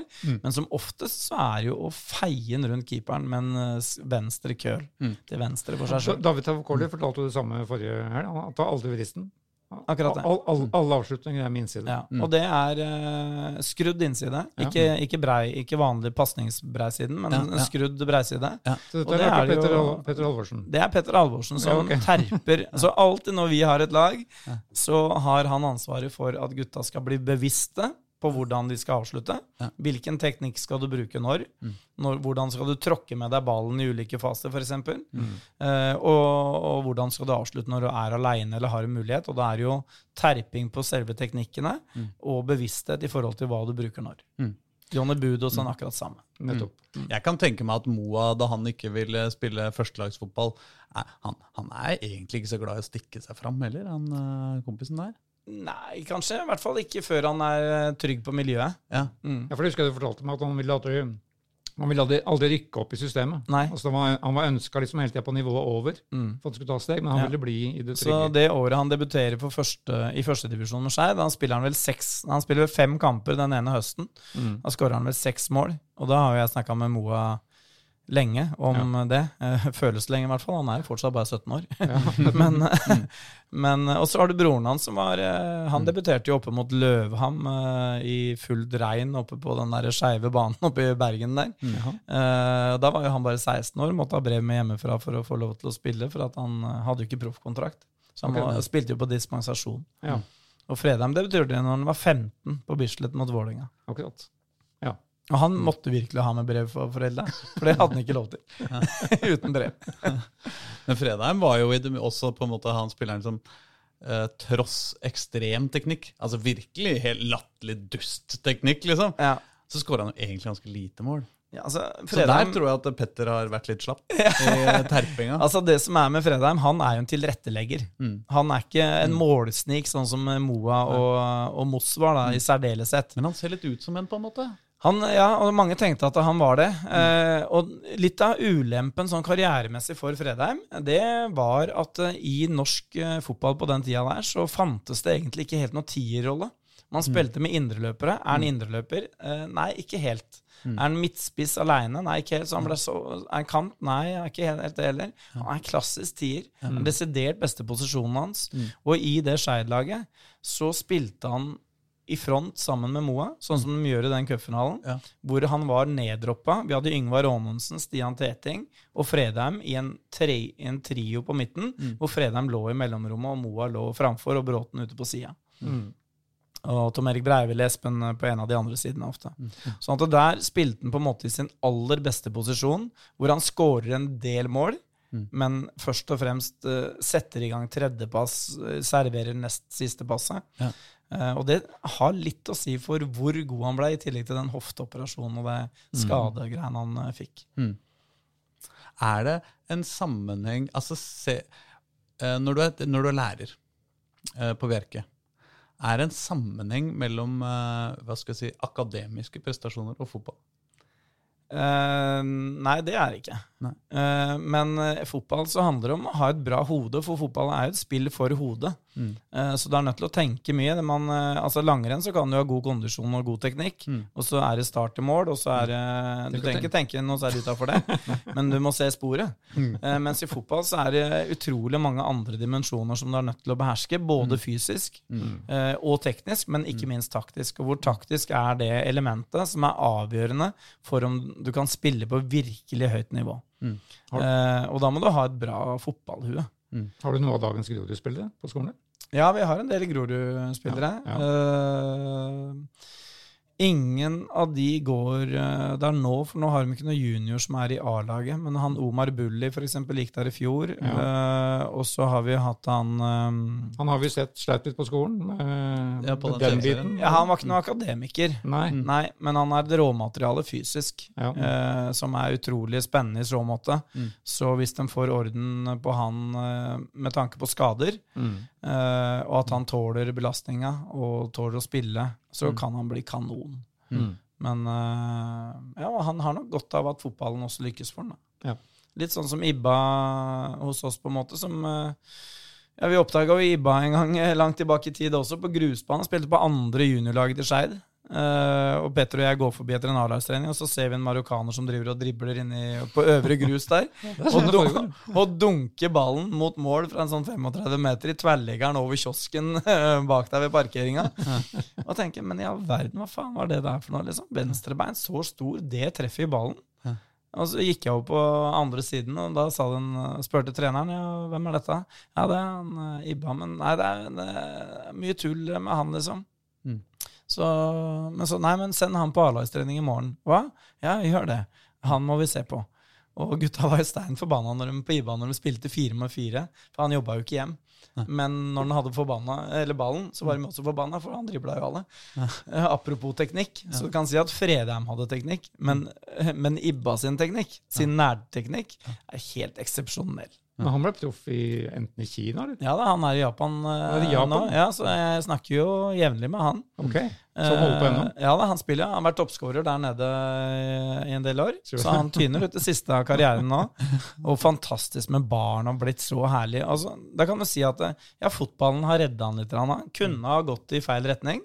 Og så går han i fotballredningen og blir tatt vare på og blir sett og alle de tingene der. Eh, og så får han jo en veldig fin trener som passer han eh, etter at han drar eh, fra oss også, i Jan Halvor Halvorsen. Ja. Som, hvor Jan Halvor også har jo hatt sine greier i, i barndommen og oppveksten, så han skjønner på en måte Ibba, og treffer han utrolig godt når det gjelder å, å coache han, og sikkert ta vare på han, sånn at han virkelig får fart i karrieren sin. Mm. Men uh, ja, det syns jeg At Ibba gjør det bra, det gleder meg utrolig. Ja. Jeg har fått en spørsmål. Skal vi, vi må ta dem og Ja, absolutt. For Absolutt. Du, du skal jo tilbake på skolen snart? skjønte jeg? Ja, ja vi har noen møtegreier. Ja, ja. jeg må rekke. Nei, Jeg får Eli Landsem, eh, sportssjefen i Vålinga, er også kollega. Ja, hun der. jobber hos oss, og det har vært en skikkelig tilvekst. Ja. Hun stepper inn når du, når du er her. Så. Du er, Hun, hun har vært i dette studioet, hun òg? Ja, ja. Så da steppa du sikkert inn for henne. Så. Sikkert, sikkert. Første, vi- har jo Jonny i Skeid, som er vår faste leverandør av eh, masse interessante spørsmål. Det første har du kanskje svart på, men eh, ja, kanskje ikke. Hvem er den lateste spilleren du trente i Skeid? Oi. Den lateste, ja. Vi hadde jo Ja, da må jeg tenke litt. Altså, det var vanskelig spørsmål. Man, mange tenkte jo at Bråten var lat. Mm. Eh, Mange tenkte det, men det er han jo ikke i helt hele tatt. Det er en, det er en generell feiloppfatning. Riktig. Eh, og hvis dere har hørt podkasten When We Were Kings, uh, hvor de har om Messi, Mm. Eh, så forteller man litt om eh, Bråten, eh, på en måte. De forteller, snakker ikke om Bråten, men muskulaturen til Messi, hva de fant ut i Barcelona, og hva som er med veldig hurtige spillere. Når du raider 40-50-60 meter med ballen, så produserer det merkesyre. Så du må pause litt. Mm. Og de pausene er ikke vanlige i norsk fotball. For her skal alle dundre og gå i 90 minutter i samme tempo. Ja. Så Bråten blei ofte eh, anklaga. Ja, av og på, og det var han på en måte. Ja. Men vi tillot at han kunne hvile litt for å få de ti reida. Så kunne han droppe eh, kanskje et bakromsløp innimellom. Mm. Eh, og for å ta seg en sånn muskulært. Eh, og han ble jo på en måte anklaga også av Åge Hareide eh, på et sånt seminar jeg var på, for å være dårlig trent. Eh, og hvor Øyvind Leonardsen var godt trent. Og Leonardsen løp jo en sånn O2-test på rundt et par og 70, eh, noe sånt, når Bråten var på 62. Mhm. Men Bråten har jo 10 40 meter på rad hvor han løper under 4-7. Eh, og det er ekstremfart. Han og Kim Holmen Mm. målt oppe på Bjerkebanen, hvor hun bare jogger tilbake. og er 4-8, mener jeg. 4-8, og i, norsk mål, eller i internasjonal målestokk, hvis du løper under 5 blank på 40-meteren, så er du rask. Hvis du løper under 4-9, så begynner vi å snakke. Så hvis du er i, liksom, i 4-85-4-80 nedover der, så er det de raskeste spillere i Europa. Ja. For Kari var også der. var det Ja, det? riktig det. Så Ja. Kim Holmen og Men en lat for øvrig. Det er noe med de spillerne som, som har litt sånn eh, Du vet, som, eh, som ser ut som de tar livet med ro på fotballbanen. Ja. og der er jo kanskje Daniel. Ja, han, han gjør jo det. Han ser ut som det ikke koster noe Akkurat å det. spille fotball. Ja. Og det er jo litt deilig å se på. Det er deilig og ubehagelig noen ganger, og han måtte jo ha litt makeup call. Så ja, vi får, jeg finner ikke noe sånn eh, direkte late. Eh, så Altså David Tavagoli var- meldte seg jo litt på da i forrige episode, når han Ja, snakker om om å sitte i garderoben og, og se jeg- han når de andre spillerne er ferdig med å varme ja, opp. ja, det, ja, det kan jeg se, men i min periode der Mm. så var jo David eh, på en måte fremadstormende og under eh, pisken i forhold til at hvis du skal være med, så må du løpe. Mm. Så ja, jeg har sett den late siden av den, men jeg har sett forvandlinga også. Mm. Men så ble han kanskje litt mett i en periode selv, men da var ikke jeg der, egentlig. Mm. Eh, sånn at eh, Bråten, når han er av, så er han av. Han sovna på spillemøte, f.eks. Ja. Men det er helt greit, det, hvis du er banens beste etterpå. Ja, men, Så de ringte meg jo angående det fra Rosenborg, når Per Joar Hansen hadde den oppe i Rosenborg. Ja. Så ringte han meg flere ganger Per Joar Hansen og lurte på åssen er det vi skal få orden på han Bråten. Eh, For nå har han sovna på to spillemøter. Ja, men da, da må dere gå bort fra det der eh, mantraet deres om at ballen skal holdes sentralt i banen og slippes til Bråten på siste tredjedel, ute Ja. på siden. For det Bråten er god til, det er å få ballen ned på 20 meter og ride over hele banen. Ja, nettopp. Ja. Og så slå den siste pasningen. Så hvis du mener at han skal få den pasningen 20 meter fra mål, så har du jo tatt bort det beste av spillet hans. Så gi ballen til Bråten hvis dere skal kontre. Akkurat. Eh, Så det var en greie som vi snakka litt om. Ja. Men så var det jo også når han spiller borte mot Arsenal, så, så dukker han jo ikke opp på spillemøtet. Ok. Uh, men hvem er det som uh, lemper Sol Campbell i bakken nede ved cornerflagget på Hybrid? Det er Bråten. Eneste spilleren som står mot Arsenal og spiller bra for Rosenborg, det er Bråten, han som ikke var på spillemøtet. Sånn skal det være. Uh, Et spørsmål til fra Jonny. Hva er ditt høydepunkt med Skeid? Cupseieren over VIF i, i 03 eller opprykket i 13? Ja, det er mange høydepunkter også. Jeg, jeg tror faktisk jeg må si eh, det første NM-gullet med junior ja, mm. for uh, Viking. For det, det var en viktig greie for meg også, som personlig, som hadde gått fra A-laget og til junior for å bygge opp juniorsatsinga. Fra å være på en måte ett lag ble styrt av den personen, et annet lag, og få en strømlinjeforma greie på det. Og at vi presterte såpass bra. Uh, og eh, jobben sammen med Pål Fredheim, som den gangen var min eh, medhjelper da, og Ivar Eriksen og Rolf Hansen som er, og Pop, som var i apparatet rundt. Og Pål var da faren til Daniel? Daniel, ja, Pål ja. var faren til Daniel, ja. Ja. Eh, altså Hele greia med at vi tar det NM-gullet, er på en måte starten på så veldig mye annet. Ok. For da hadde vi ikke eh, Man hadde jo ikke vunnet NM-gull siden 67 eller et eller annet sånt nå, med Skeid sitt juniorlag. 66 eller et eller annet sånt nå. Og så vinner man det, og så vinner man det året etter. Men det er på en måte igangsparkinga av det hele, og hvor Skeid også på en måte gå- tar det første virkelige steget mot å bli en talentfabrikk og få fram egne gutter på en bevisst måte, liksom. Så mm, ja, den gleden og de folka rundt det laget, eh, det sitter igjen bra. En som heter eh, Daniel. Jeg, vet ikke helt hvilken Daniel det er. Jeg tror ikke det er noen av de vi har snakka om. Hvorfor kalte du Per-Mathias Høgmo for sveiseblind i 17 eller 16? Ja, jeg gjorde det i, et um, I et sånt uh, I, en sånn blo i et blogginnlegg for Nettavisen. Jeg skrev jo litt der. der. Okay. Uh, og da tror jeg det var i den sammenhengen at han stilte opp med det laget han stilte opp uh, med borte mot Ungarn. Akkurat. Hvor vi skal vinne, og vi ender opp eh, uten spisser. Og Ja. vi ender opp med Markus Henriksen som en spiss-variant av noe slag. Så kalte jeg den for sveiseblind. Ja. og da er det et uttrykk for å kanskje ikke se helt klart. da. Det for alle andre var helt obvious. Og sånn kan det være i fotballen noen ganger. Når man er så involvert i en ting, så ser man ikke skauene for bare trær, på en måte. Man trenger Noen ganger så, så spør jeg de rundt laget jeg kan gjøre, om hvem er som bør starte. Og så kommer kanskje materialforvalteren eller en oppmann og sier ja, han bør være med. Ja, ja, det bør han. For at du er så inne i din egen boble at du trenger noen ganger å få innspill utenfra som er helt obvious. Ja. Og det burde kanskje han ha fått den gangen. At noen hadde sagt inn at eh, skal vi slå Ungarn, så må du jo ha en spiss på banen. Men jeg kan tenke meg at det er ganske ja, altså, I mange sammenhenger, da, at som trener, liksom, at du eh, ja, Kanskje du har kjøpt en spiller, kanskje lagt veldig mye innsats i å få en spiller til klubben, eller et eller annet sånt, og du vil veldig gjerne, kanskje for din egen del som trener da også, vil gjerne at akkurat den skal fungere, mens Ja. alle andre ser at liksom ah, Det her nå har ikke Ja. funka i et halvt år. eh, Nei. er ikke på tide å Ja, det er liksom kjempevanskelig. Det er kjempevanskelig fra klubben sin side, og det er vanskelig. Solskjær nå, da. Han kommer til å få en kjempeutfordring med Sancho. Altså, det er en eh, milliardinvestering, og så er han jo ikke inn, per nå er han jo ikke i nærheten. Skal han fortsette å spille med han, sånn at han blir i nærheten? Skal han settes ut, sånn at han kanskje visner, sånn som Donny van de Beek? Kjempeproblematisk. Er det vanskeligere å trene en ungdom i 2019 kontra 1999?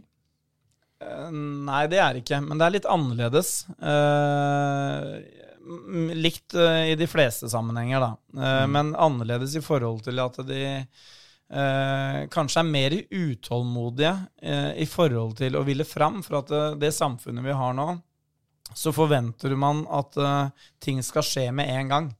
Det blir jo kalt for et min maks-samfunn. Altså Ungdommen som er nå, blir kalt for min maks. Og det er minimum innsats, maksimum utbytte, som Ja. det står for.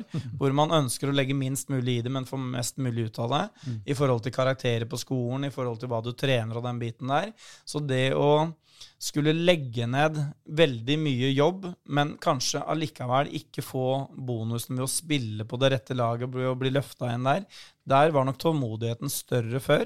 Eh, mens nå er man mer vant med at man får ting veldig, veldig fort. Og det har ikke bare med fotballen å gjøre, det har med alt vi forventer oss. Vi forventer oss at vi skal få alle godene der og da med en gang. Ja. Det ser man i skolesammenheng også. Du kan endre én fotballregel. Hvilken? Uh, oi, uh, jeg kan endre én, ja. Eh, jeg var jo litt motstander av tilbakespillsregelen, men den syns jeg egentlig har fungert bra. Gjort at det blir mer flyt. Eh, jo, den uh, Altså, det er jo problematisk med, med den offside-biten nå, syns jeg. I forhold til at du må gjennomføre hele offsiden, og så løper man 40 meter gjennom, og så blåser du ikke før spilleren får ballen.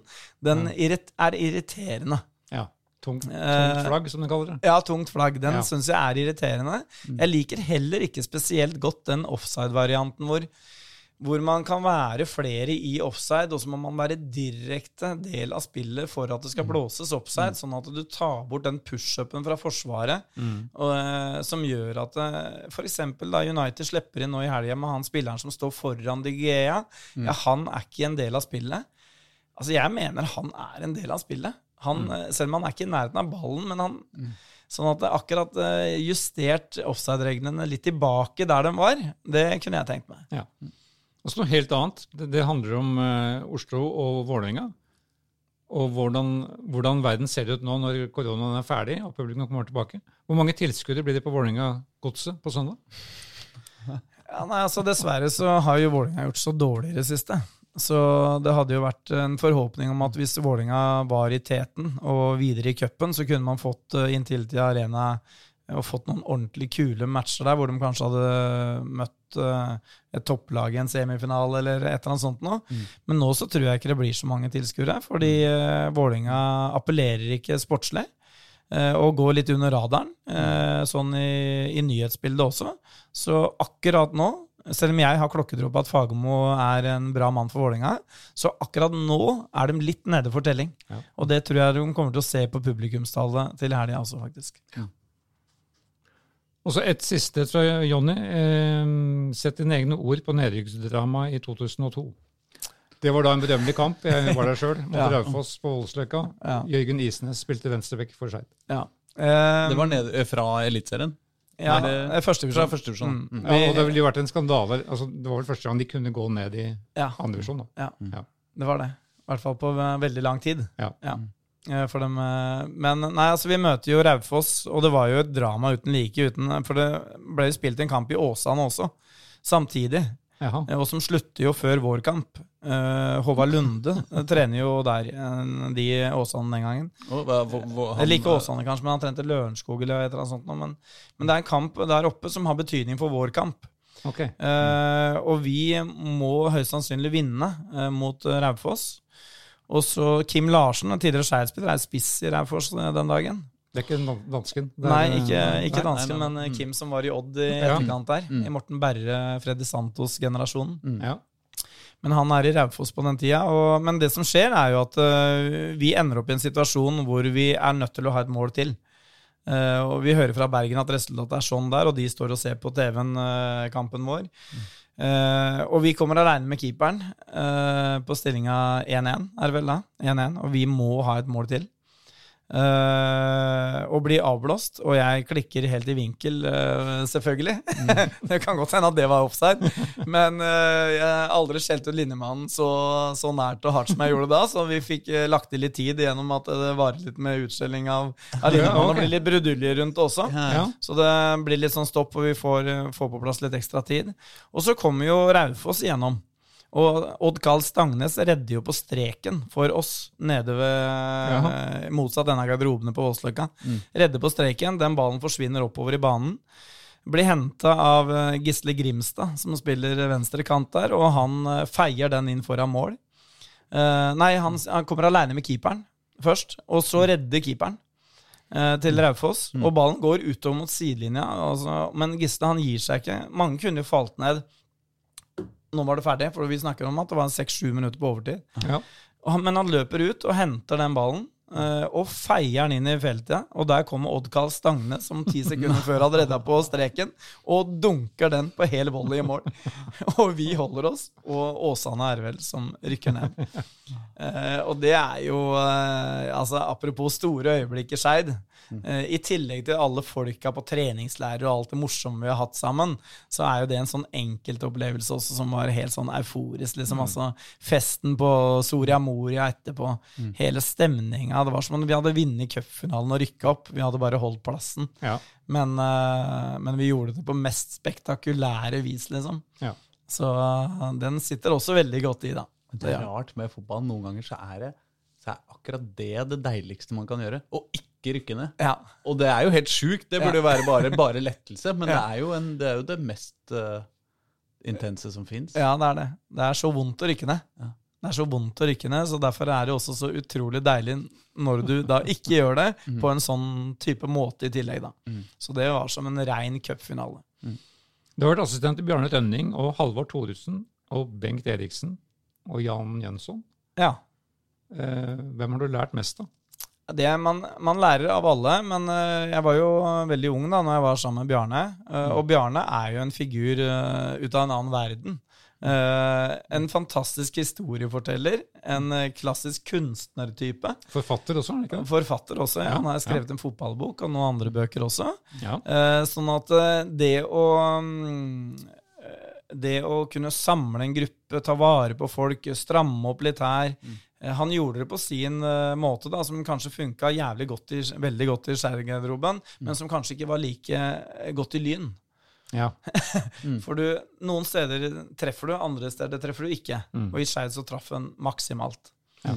Uh, så han var en veldig bra pedagog, men hogd rett ut fra naturen, på en måte. Okay. Uh, sånn i forhold til at han var så han, eh, han hadde utrolig mye rart for seg, men samtidig så fi, fikk vi det til å stemme. Mm. Og det ble jævlig mye morsomt ut av det. Og så hadde du mm, Og så nevnte du Halvard Thoresen, som var også en veldig, veldig fin type og en veldig morsom fyr. Som jeg trivdes veldig godt sammen med. Mm. ulempen til Halvard kan være at han, han, får, får ikke, han får ikke det bildet av seg sjøl uttalt, at han er en veldig sjarmerende og artig type. Han er veldig stram utad. Ja, veldig. Eh, så jeg kjenner en helt annen Halvard, da, og var veldig fornøyd med når fotballkunnskapen hans eh, og fotballøyet og fotballspilleren Halvard Thoresen. For når jeg sa til Halvard noen ganger, for vi sleit jo litt den sesongen, eh, at vi kan jo ikke spille sjøl. for at Ja. når han var med på treninga, så trengte du ikke lure på hvem som var best. Okay. Selv da. Nei, kneet mitt er for dårlig. Det, nei, det passer seg ikke nå, Kjell. Nei, ok, nei, men du, du er god fortsatt, liksom. Ja. så, men fotballmessig, i forhold til eh, det å skulle være nøye på ting og utfordre motstanderen og en del sånne ting, litt sånn nederlandsk kultur over det å spille, selv om vi ikke fikk det til i Skeid, eh, da så lærte man veldig mye. Mm. Eh, og selve opplevelsen med å være med Halvard også, som mange tenker at ja, han er kanskje litt streng eller eh, litt eh, kjedelig, liksom. Det er han ikke i det hele tatt. Han er jævlig ålreit. Han er veldig morsom. Han er en veldig fin fyr å være med. Så det, det syns jeg er en bra greie å nevne i ulike sammenhenger eh, Ja, ja, gjelder er- han. Ja. Uh, Bengt Eriksen hadde jeg veldig kort eh, forhold til, egentlig, for da tok jeg jo over junior-biten. Ja. Så Det det er ble bare. Ja, Ja. Eh, for da Bengt tok jo over når Bjarne fikk eh, sparken. Mm. Hadde åtte kamper, eh, tapte alle åtte og rykka rett ned. Ja. Men vi rykker jo opp året etter, eller Bengt tar laget opp året etter, men da har jeg begynt med juniorsatsinga. ja, okay. Sånn at den er ikke så tett, på en Mm. måte. Eh, men så har du Janne Jønsson, som jeg har jobba tett med i, i, i Stabekk. Uh, klassisk svensk, en gentleman. Uh, veldig ordentlig. Uh, veldig 4-4-2 og strukturelt veldig bra med laget, og en veldig, veldig fin uh, type. Mm. Veldig hyggelig, høflig mann, rett og slett. Men han framstår kanskje også som en som ville eh, som ja, passe bedre til, til, til Stabæk enn en Stovner? Ja, men det har du helt rett i. Mm passer bedre der. Det er på en måte hans uh, område og, og må, måte å være på. Mm. Uh, mens på Stovner så ville nok Bjarne Rønning vært en fin variant. Mm. Jeg lurer på, uh, bare, for å, bare, for å, ende der vi, der vi begynte, ytterst ute i dalen, og med ett én scoring, holdt jeg på å si. Er det noen Eh, er det noen spillere i gruppa di nå som vi burde følge ekstra godt med på? Ja, vi har noen gode. Uh, det har vært litt av greia til Petter og meg også, at vi har mm. alltid fått fram noen gode spillere mm. som har uh, fått karrierer. Og det har litt med hvem vi ser etter å gjøre. At vi ser etter atletiske spillere. At vi ser etter spillere som har individuelle ferdigheter, som kan vi er opptatt av at vår spiller skal være bedre enn motstanderen spiller én mot én. I en fotballkamp så spiller du 11 mm. mot 11, mm. men det er ofte én mann du møter litt oftere enn resten. Ja. Så hvis du kan drible han, og han aldri dribler deg, ja, så vinner du 1-0 på den. Så hvis du gjør det i alle posisjoner, mm. så vil du høyst sannsynlig vinne kampen. ja. ja, det er logikk. sånn at, eh, sånn at Og de spillerne kan eh, kanskje ta det ekstra nivået, da, fordi de har ferdigheter og egenskaper eh, ved seg som gjør at de kan håndtere nivåer oppover, mm. selv om man kanskje ikke spiller på et veldig godt lag. Mm. Eh, sånn at Sohaib Khan, for eksempel, som er en uh, junior midtbanespiller, mm. eh, veldig hurtig, eh, løpssterk i tillegg, bra med ballen, eh, skårer litt mål, veldig smart hue, også skolemessig, mm. eh, kan bli virkelig god. Mm. Det er én av dem.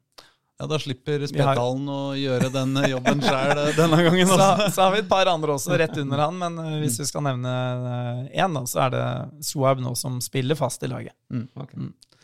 Nei, men Da tror jeg kanskje vi begynner å nærme oss. Ja. Så det var så fint at du kom. Ja, Hyggelig og, å være her òg. Nå føler jeg, altså, nå har vi vært rundt hele Oslo på kryss og tvers i en hel time. Um, hva, er neste, hva, er neste, kampen nå? Nå har vi Gjøviklyn borte, de mm. som har ja, sju strake. Der, ja. Så på lørdag går bussen over til Gjøvik. Mot Romsåsgutt og alt mulig. ja. Men du har vært så... trener nå ua, også uten stans siden midten av 90-tallet til i dag? Ja. Du har hatt et lag hele, hvert, hvert år? Ja, har det. Du er stayer? Jeg er stayer, og jeg, lik, altså, jeg, liker jo å ha et lite prosjekt, på en måte. da. Ja. Og jeg fikk faktisk spørsmål i går av noen elever da, som spurte ja, hvordan er det Er du like glad for en seier nå som du var da du var i Tippeligaen, liksom? Men så, altså, det du er engasjert i, da, det som betyr noe for deg, mm. det er like sterkt for Stovner som det var uh, med Skeid, f.eks., eller med Stabæk. Uh, når man er oppå det Ja, det er publikum der, og sånne ting, og det er kanskje noe media, og det skrives mer. Men det du sjøl er engasjert i, det mm. er man jo veldig opptatt av skal mm. bli ok. Ja. Sånn at uh, jeg gleder meg enormt jeg, over uh, hvis Stovner vinner fotballkamper. Uh, også juniorlaget vårt, som vi har et mål om at skal rykke opp, f.eks. Uh, med tid og stunder. da. Mm. så Ja, Men da tar det 20 år til, da. Planen er i hvert fall, hvert fall ti. Eliteserien med Stovner 2030. Det hadde vært nydelig.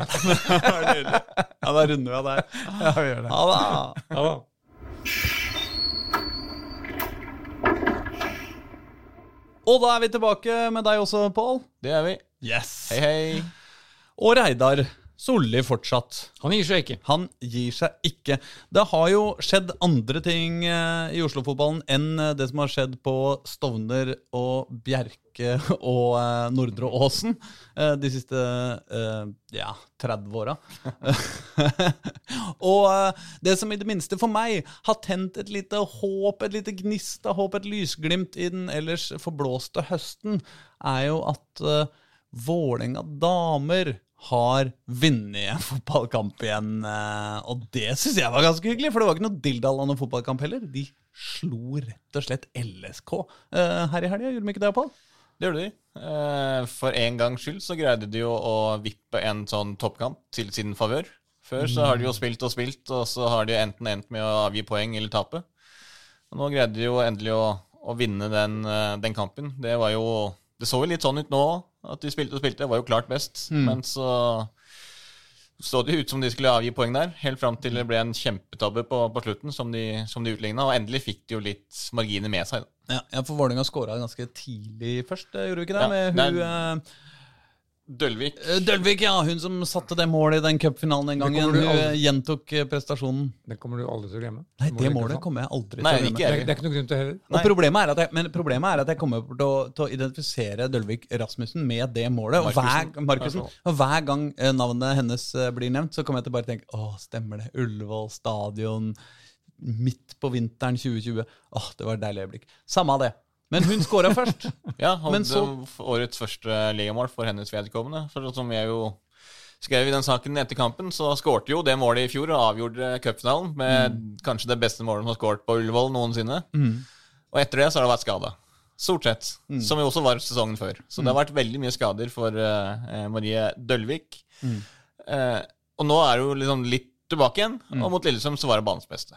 Så, så hun åpna, åpna skåringskontoen etter 34 minutter. Mm. Eh, igjen så var det jo da en eh, eller, dårlig pasning av hun, eh, Malin Brenn, var det det hun het, som sto egentlig eh, for begge baklengsmålene til Lillestrøm. Oh, ja. eh, både da etter 34 minutter, førte ballen, gikk over midtbanen, slo den rett i beina på Rikke Nygaard, Mm. som da selvfølgelig satt fart på. Og da hadde jo Dølvik eh, satt i gang tidenes løp, så hun bare løp gjennom alle i Forsvaret. Fikk ballen da på en nydelig gjenspill og tuppa den gjennom uh, i mål. Uh, så det, det var jo fint. Uh, Vålerenga var klart, klart beste, spesielt i andre omgang. Skapte mye sjanser. Dølvik veldig frisk på kanten, masse innlegg.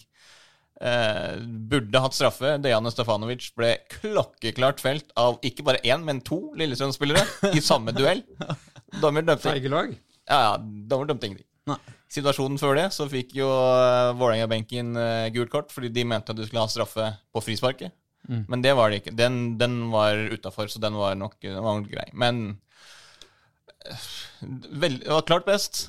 Lillestrøm fikk et meget flaksemål. Det var jo Emilie Håvik kom sånn ned til sidelinja, tuppa ballen inn i feltet. Traff låret til uh, tidligere Lynspiller Mimi Luvenius, som da gikk i en fin bue over keeper i mål. Det var liksom stort sett det eneste Lillestrøm hadde å komme med hele kampen. Men uh, ja. Emilie Håvias, eh, hun, eh, hun er litt for bra til å spille mot det noen ganger. Ja, Emil Håvi, men det, hun, hun er blant de bedre i Eliteserien. Altså, Nei, toppserien. Ja, ja, hvorfor, hvorfor ikke hun har dratt til Barcelona og sånn, det har jeg aldri forstått meg på. Og så må Eh, vel LSK uten sin uh, tidligere Lyn-spiss Camilla Camilla Lindberg. Camilla Lindberg var ikke med. spille. Ja. Nei. Men eh, har da eh, vi fått den oppturen de trenger nå? For de har da semifinale mot Rosenborg på lørdag. Ja, men det er akkurat det, fordi igjen på slutten her, og det så jo ut til å gå mot 1-1 igjen, liksom, Ja. på en ny nedtur. Men så var det jo igjen, da. Malin Brenn, eh, keeper, spilte jo ballen ut. Eh. Og så var hun litt uoppmerksom, og da kom jo Agnete Nilsen bak ryggen, snappa ballen og satte den i åpen mål. og det er eh, også hyggelig å få i gang Agnete Nilsen. Ja. For hun eh, jo, eh, har jo spilt ut i Danmark og, og, og bøtta inn mål der. Så kommer hun til Vålerenga, så så det ikke så bra ut i starten. Men uh... Det, det, det er litt det, det som er eh, Jeg håper å si eh, nå, nå har jo selvfølgelig Vålerenga ting å spille om. De har jo Når du slo eh, Lillestrøm nå, så har du jo faktisk en ålreit mulighet på å ta medalje. For nå er det jo to poeng bak. Mm. Eh, og Lillestrøm, det som er med, med Lillestrøm, det er jo at de har jo både Rosenborg og Sandviken igjen Ja. eh, i de siste fire serierundene. Sant? Og da eh, De kommer jo ikke sannsynligvis til å vinne begge de to kampene. Så selv om de har en kamp mindre spilt nå enn Vålerenga, så er det faktisk altså ålreite medaljemuligheter for Vålerenga hvis de vinner alle sine, sine gjenværende kamper. hvem har Vålerenga igjen, da? Det er kanskje litt uh, slemt å be om sånn på Ja, de har på stående eh, fot. Uh, Jeg kan jo finne det. De har, men alle lagene er jo langt bak på tabellen. Ja, det er det. De har ingen av topplagene igjen. Nei, de, de Eh, har sånn type Stabæk og Klepp og Skal vi se her De har bare topplagene igjen i cupen. Ja, Ja. fordi i cupen er det jo bare de fire topplagene som er igjen i Ja. de uh, to semifinalene. Og da møter Vålerenga Rosenborg nå i, i semifinale. ja, lørdag 15.00. Det Da skal kommer den til å bli avgjort av Sara Knute Fornes. Neida. 81. minutt Mm. for fjerde gang på rad. I, med sjølmål. Nei, hun sko Ja, ja. ja. Men de havner det, kanskje hun kan gjøre det nå, da, i stedet. ja, ja, ja. Da scorer hun og holder den streaken ved like. Skårer alltid på slutten i de oppgjørene, men nå med sjølmål. Men de holder seg kanskje foran Setskog Hørland i serien, da, i hvert fall. Ja. Som jeg fortsatt kaller dette laget som skifta navn. Dette, stø- men kan vi ikke da kalle Rosenborg for Trondheimsøren? Det kan vi. Ja. Um, Ja, nei, men eh, da Det som er Vålerenga, da, de har en Lyn neste kamp. Mm. Eh, de har Arne Bjørnar borte, Stabæk hjemme og Klepp borte. Så det er jo tre bortekamper, da. Men det kan være tolv poeng. Ja, altså, det bør være det. Men Lyn igjen. Mm. Ja. Sant? Plutselig så er du der, skal på sånn som det var i fjor. Ja. Nå Du må, vi på, du må på Kringsjå igjen, du, Aslak. Ja. Nei, det er det jeg ikke må. Må du ikke? Jeg jinxa det da jeg dro på Kringsjå i fjor og, og så Vålerenga og skulle kjøre over Lyn. Tapte. Nei, men eh, det blir jo cupen som blir eh, den eh, det, som, som er Vålerengas sjanse til å, Vinne til å ja. til, få litt trangere pokalskap. Og det, det virker jo ikke helt umulig. Nei, nei, og det virker altså jo veldig, veldig spennende. Ja, det, det, Altså, den forrige kampen mot Rosenborg òg. Mm. Første gangen var det jo klart bedre Rosenborg, men så heva de seg. Så nivået på de lagene de er ikke så ulikt. Sånn, så det er en helt åpen kamp. Vålerenga kan fint vinne den og gå til en cupfinale igjen. Ikke sant? Det er ingen umulighet, det. Så etter en marerittåret, som alle sier at Vålerenga damer har hatt, så kan det fort ende med at de får uh, En gull og en bronse? en gull. Ja, Ja, det hadde ikke vært dumt. Uh, og, og litt som det som Jack Margard Jensen sier òg, at de, de har riktignok De har ikke vært så mye, mye dårligere enn Vålerenga. Mm. Altså, nei, Vålerenga har ikke vært så mye Nei, dårligere enn det var i nei. fjor. Mm. Eh, Synne Jensen er toppskårer, ett mål mindre enn Ayara hadde i fjor. Mm. Uh, sant? Og det er jo fire kamper igjen, så det kan jo godt skje at Synne Jensen skårer ett mål til. og da har toppskåreren like mange poeng, nei, like mange mål, og de kommer sannsynligvis kanskje til å ende opp med like mange poeng. Mm. Så det er liksom ikke at Vålerenga har blitt sånn fryktelig mye dårligere. Nei. Det er bare at Sandviken og Rosenborg har tatt enda steg fra, fra fjoråret. Blir det gull og bransje, da kommer Dejana Stefanovic med sitt serbiske brennevin, som hun lovte oss Ja, i det er podkasten. sant. For det har hun hatt til gode å servere oss. Ja. Men det, det vi- ligger da i potten. Ja, Så det får vi, ja, får vi håpe på. Vi må heie litt ekstra på Vålerenga. På Vålerengas eh, herrelag eh, derimot eh, ser det ikke ut til at det blir noe brennevin fra av noe som helst opprinnelse på, på oss etter avslutta sesong. De er jo ute av cupen, og nå har de vært i Bodø og spilt heroisk. Men eh, det gikk jo i dass for det, da. Ja, det sier vel det meste. altså Først 0-3 i cupen, som da ikke vi har fått snakke om. Og det er jo ikke så mye å snakke om. Mm. Mot Eh, Odd, det var jo altså det verste fotballkampen, det, på en Ja. stund. Men det er historie. Og så var det da Bodø-Glimt 0-1, hvor da Kjetil Haug, keeperen som alle har vært så skeptisk til, igjen var Vålerengas beste spiller. Mm. Det sier jo veldig mye om situasjonen, dessverre. Gjør det. Jeg syns også ansiktsuttrykket til uh, Fagermo på uh, i noen situasjoner der eh, hvor han ble henta inn i nærbildet, sa ganske mye om at uh, dette er uh, det, ja, nesten litt alvorlig. Eh, Og det er tung, eh, tung, eh, tung tid på ekte. Liksom For Vålerenga er liksom ikke bare sånn her Ja, ja, ok, da ble det sjuendeplass i år, og så går vi videre. Nei, nå Altså, å tape 3-0 mot Odd, altså, det igjen i cupen, det, det tror jeg ikke var godt. Og så når man da heller ikke greier å, å få noe ut av den bortekampen, det, det ser ikke bra ut. Men det eneste trøsten er på var vel at forsvarsspiller sånn, hang sånn noenlunde i sammen. Men, Mm. men det er klart det kunne fort vært 0-4 der oppe, med litt uttelling. Noen tverrliggerskudd som hadde gått inn og slikt. Ja. Så, er det så er jo, det er jo der de er. Så er det jo spørsmål, da. Lønner det seg å dra til Bodø og tenke at vi skal eh, parkere bussen, eh, som de jo åpenbart gjorde? Uh, og greide det jo egentlig ganske bra, uh, men, men er jo da veldig langt unna å, å true Bodø med Vålerengas angrep, da. Jeg så de ja, tverrliggerne. ja, Tobias Christensen hadde jo det ene skuddet der. Det var eh, Han eh, Det var ikke mye de hadde kommet, men likevel, jeg tror eh, Og sånn er det de aller fleste lagene i Bodø. Hvis de kommer dit og angriper de, i hvert fall i den formen som forsvaret til Vålerenga har eh, vært i det siste, så tror jeg det hadde nok blitt styggere. Så, så for liksom eh, Prøvde å forsvare seg så godt de kunne. Eh? Hadde de hatt veldig tur, da, sant? så kunne de holdt igjen tett der og ikke fått det målet av tidligere Lynspiss Botheim på slutten. Men den, det skuddet til Christensen, som da gikk i tverrlinger, kunne det sneka seg inn? Kunne rana med seg tre poeng. Altså, det, det er nok større mulighet for at de hadde greid det, enn hvis de skulle prøvd å angripe dem.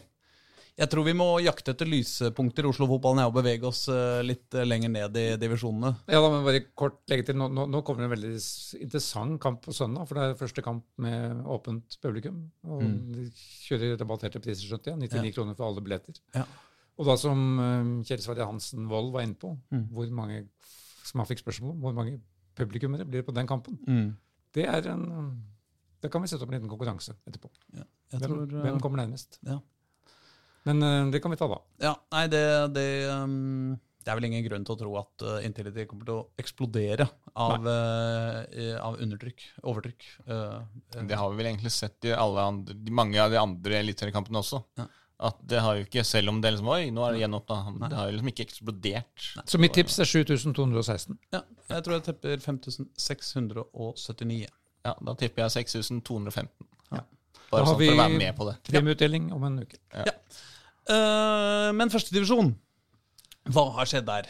Der har det skjedd mye. Eller Obos-ligaen, da, som enkelte Der fans hadde du det det. klassiske eh, by- byderbyet. Det er det vi hadde, vet du. I, I en fantastisk varm sommerdag Ja, altså, i Oslo det var jo på lørdag. helt- Det var jo helt enormt. Ja, helt Men der var jo du, Pål, sammen med vår nye, vår siste ferske frilanser Per Erik Moen. Ja. Dere hadde en Eh, varm opplevelse der, skjønte jeg. ja, det var helt strålende. Det så ut som det plaga litt spillerne. fordi det første gangen der, det var restitusjon. For begge lag, egentlig. Begge spilte jo i midtuka. Mm. K5 leverte kanskje tidenes beste kamp. Altså da, vi, vi sier ofte ja, tidenes beste, men det her var faktisk tidenes beste kamp. Du snakker om K5. cupen, cupseieren over Kristiansund. Cupseieren ja, 3-0 over eh, Tenk at KFUM slo Kristiansund i cupen. Altså, det er jo helt rått. Ja, og de ikke bare slo de, de var suverent best fra start til mål. Og det er jo et lag som Altså, det, det er jo bedre enn Vålerenga. Ja, ja, liksom. De har jo vært jo... en av de beste formlagene i Eliteserien. Ja. Så den kampen var virkelig, virkelig bra. altså. Mm. Og da Da òg. Fint vær. De starta Det var jo litt seinere på dagen. eh, Den starta klokka, klok fem. Mm.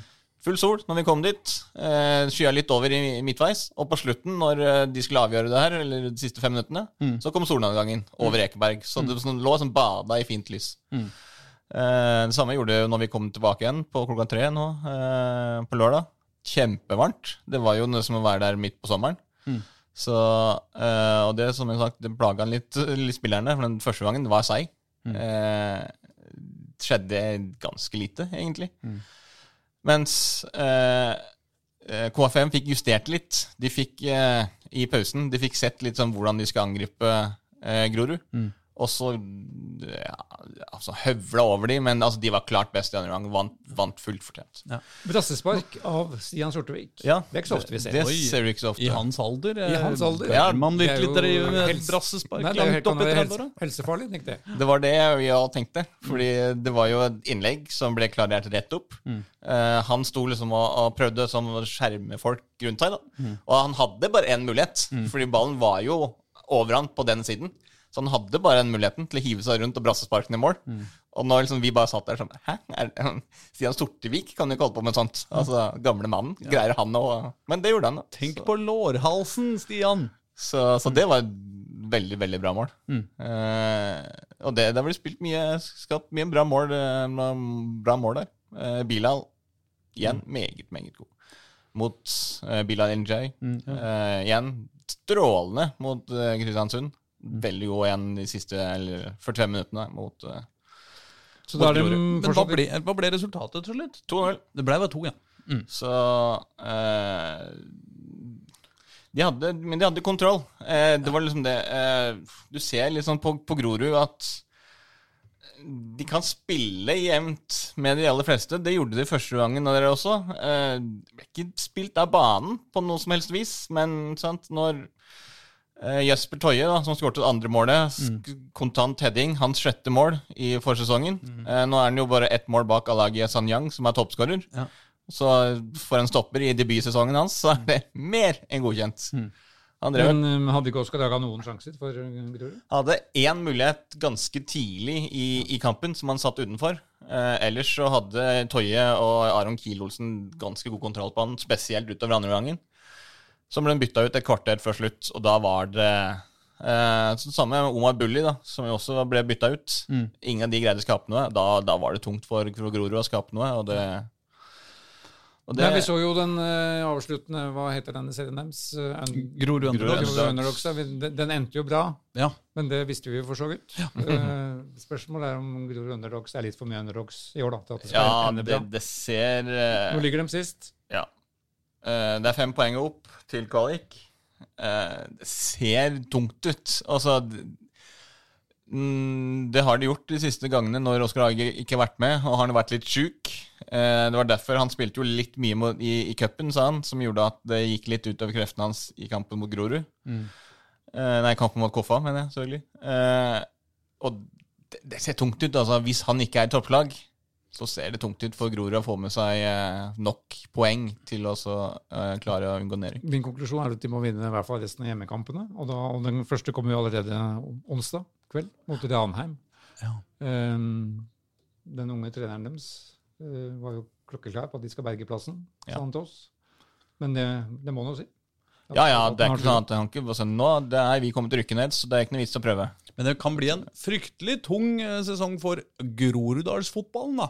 Eh, Vi har jo akkurat eh, tross alt hatt eh, Stovner på besøk, og Ja. der ligger de jo nederst. Og Grorud ligger nederst. Det, det, det, det er jo ikke bra. Og som jeg skjønte på Ja, nei, det var vel etterpå han sa det, men de, disse klubbene har ikke tenkt seg å slå seg sammen. Nei, nei. Tvert imot. Ja, ja. Nei, her skal det være konkurranse. Ja. Men uh, vi, vi Altså, jeg bare insisterer på at vi må holde håpet oppe for, eh, for Grorud. Vi kan, ikke, vi, kan ikke, vi kan ikke gi opp uh, Grorud i, uh, i Obos-ligaen. Det er jo ingen grunn til det heller, fordi igjen, sant, så stor er ikke forskjellen. Sånn, så hvis du får uh, litt flyt på slutten, vinner et par kamper Det er jo, som han også sa til oss i det intervjuet så lenge, altså Hvis vi får den første seieren, så har vi noe å bygge på. Og det er jo akkurat det, fordi nå har de jo spilt og spilt og spilt uten å få noen resultater. Får ikke noe, liksom, kommer ikke i gang. Eh, og det er liksom tungt når du skifter trener og skal liksom få en ny, sånn ny trenereffekt, og så skjer det ingenting. Det blir liksom akkurat det samme. Og Oskar Aga, det blir hyggelig i Elfsborg, men du må huske på ettermælet ditt i Groruddalen nå. Nå må du bøtte inn litt mål på slutten for gammelt, eh, for gammelt eh, vennskaps skyld. Ja, og må komme deg på jobb. Ja. Vi De sender aldri Grorud ned, men det må de eventuelt ordne sjøl. Da kan vi bevege oss eh, ned eh, ett uh, lite nivå. Ja, for der, der handler det om opprykk, Der handler det om opprykk. som da Skeid er involvert i. De hadde da en 2-2-kamp mot Arendal der nede på det som heter Norak stadion. av en eller annen grunn. Abel Stensrud igjen, denne Jonny Budesson-erstatteren, sto fram. Skårte vel begge Skeids mål i, i den kampen, hvor de leda to ganger. Bra. 2-1 og 2-2. Og så skårer da Arendal på et drømmetreff fra 35 meter, helt limt opp i vinkelen. Og så skårer de jaggu meg på et nytt langskudd, eh, ikke fullt 30 meter, men 18-19, tenker jeg. Rett ett minutt før slutt. Mm. Så dermed bare ett poeng der nede. Kan bli spennende, fordi Kjelsås da tapte for Egersund. Skeid hadde jo håpet med at Kjelsås skulle ta poeng fra opprykksrival Egersund. Mm. Gjorde de ikke. Tapte 3-1 der borte. No. Ole Erik Midtskogen skårte igjen for Kjelsås, som han alltid gjør. Mm. Men det betyr da at eh, Egersund har jo nå sin trepoengsledelse på Skeid. Men Skeid har en kamp til gode, så i teorien kan det være likt. Skeids hengekamp spilles da onsdag kveld. Mot, borte mot Notodden. Og, men den store finalen her blir jo da Egersund-Skeid eh, 10. oktober. Det er ikke lenge til. Halvannen uke til. Mm. Det blir antagelig, det blir jo opprykksfinalen i den avdelingen. Vinneren går opp. Toeren spiller jo da kvalik mot toeren i den andre avdelingen, som i dag ser ut til å være Hødd. Mm. Ja. Ja, Det var kompaktversjonen av eh, divisjon 2. Nordåsen eh, trenger vel ikke å legge ut noe mer om, men de skal jo, den skal jo i teorien være klar igjen. Ja, klar og klar. Jeg har jo snakka med Daniel igjen, da, daglig leder der. Han sa at eh, de kom og de så, men de vant ikke noe, fordi banen er i verre forfatning enn noensinne. Ja. Såpass. Så det Altså, der kommer det ikke til å skje så mye, eh. Eller det, det kommer til å skje at neste gang Skeid finner det for godt å hapsi, klage, eller bymiljøetaten tar kontakt og sier at vi må faktisk fikse litt mer, så kommer det nye installasjoner av drama og sagaen rundt Nordre Åsen, så den er langt fra slutt. Men eh, På et tidspunkt var det jo gøy. Nå, nå har det jo slutta å være gøy. Ja. Altså For oss som slipper å spille på den. For de som har spilt på den, er det sikkert har det jo alltid vært et mareritt. Men som historie var den på et tidspunkt gøy. Men nå begynner den å bli bare Altså, nei. Ja, Det det begynner bare trist uh, slash kjedelig. Ja, det holder nå.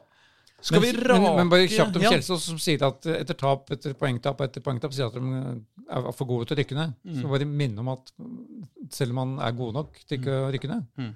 så må man også vinne fotballkamper. I hvert fall innimellom. Derfor så blir det også veldig viktig, for Chelsea også har jo et par kamper utvidet, utsatt pga. koronaen. Ja. Og da blir det en meget viktig kamp for de på torsdag, for da møter de Nardo, som er første lag under streken. Ja. Eh, vinner de den, så har de Jeg kan ikke si at de er liksom eh, sikra på noen som helst vis, men, men det Altså, eh, taper de den, i hvert fall, da er det Da er det virkelig at de brenner et blått lys for de blåkledde. For da blir det veldig Altså ikke panikk, men altså, stressnivået blir vesentlig høyere. da Er det på Grefsen stadion? eller? Det er på Grefsen stadion. Torsdag kveld. På torsdag kveld. Det blir spennende. Det blir spennende. Dit skal jeg. Skal vi gjøre et eh, kjapt eh, Vi kan ikke ta, gå veldig nøye gjennom uh, den tredje divisjonen eh, i dag, Vi men kan jo eh, også ta med Vålerenga 2 først. I samme divisjon. det er sant. Avdeling.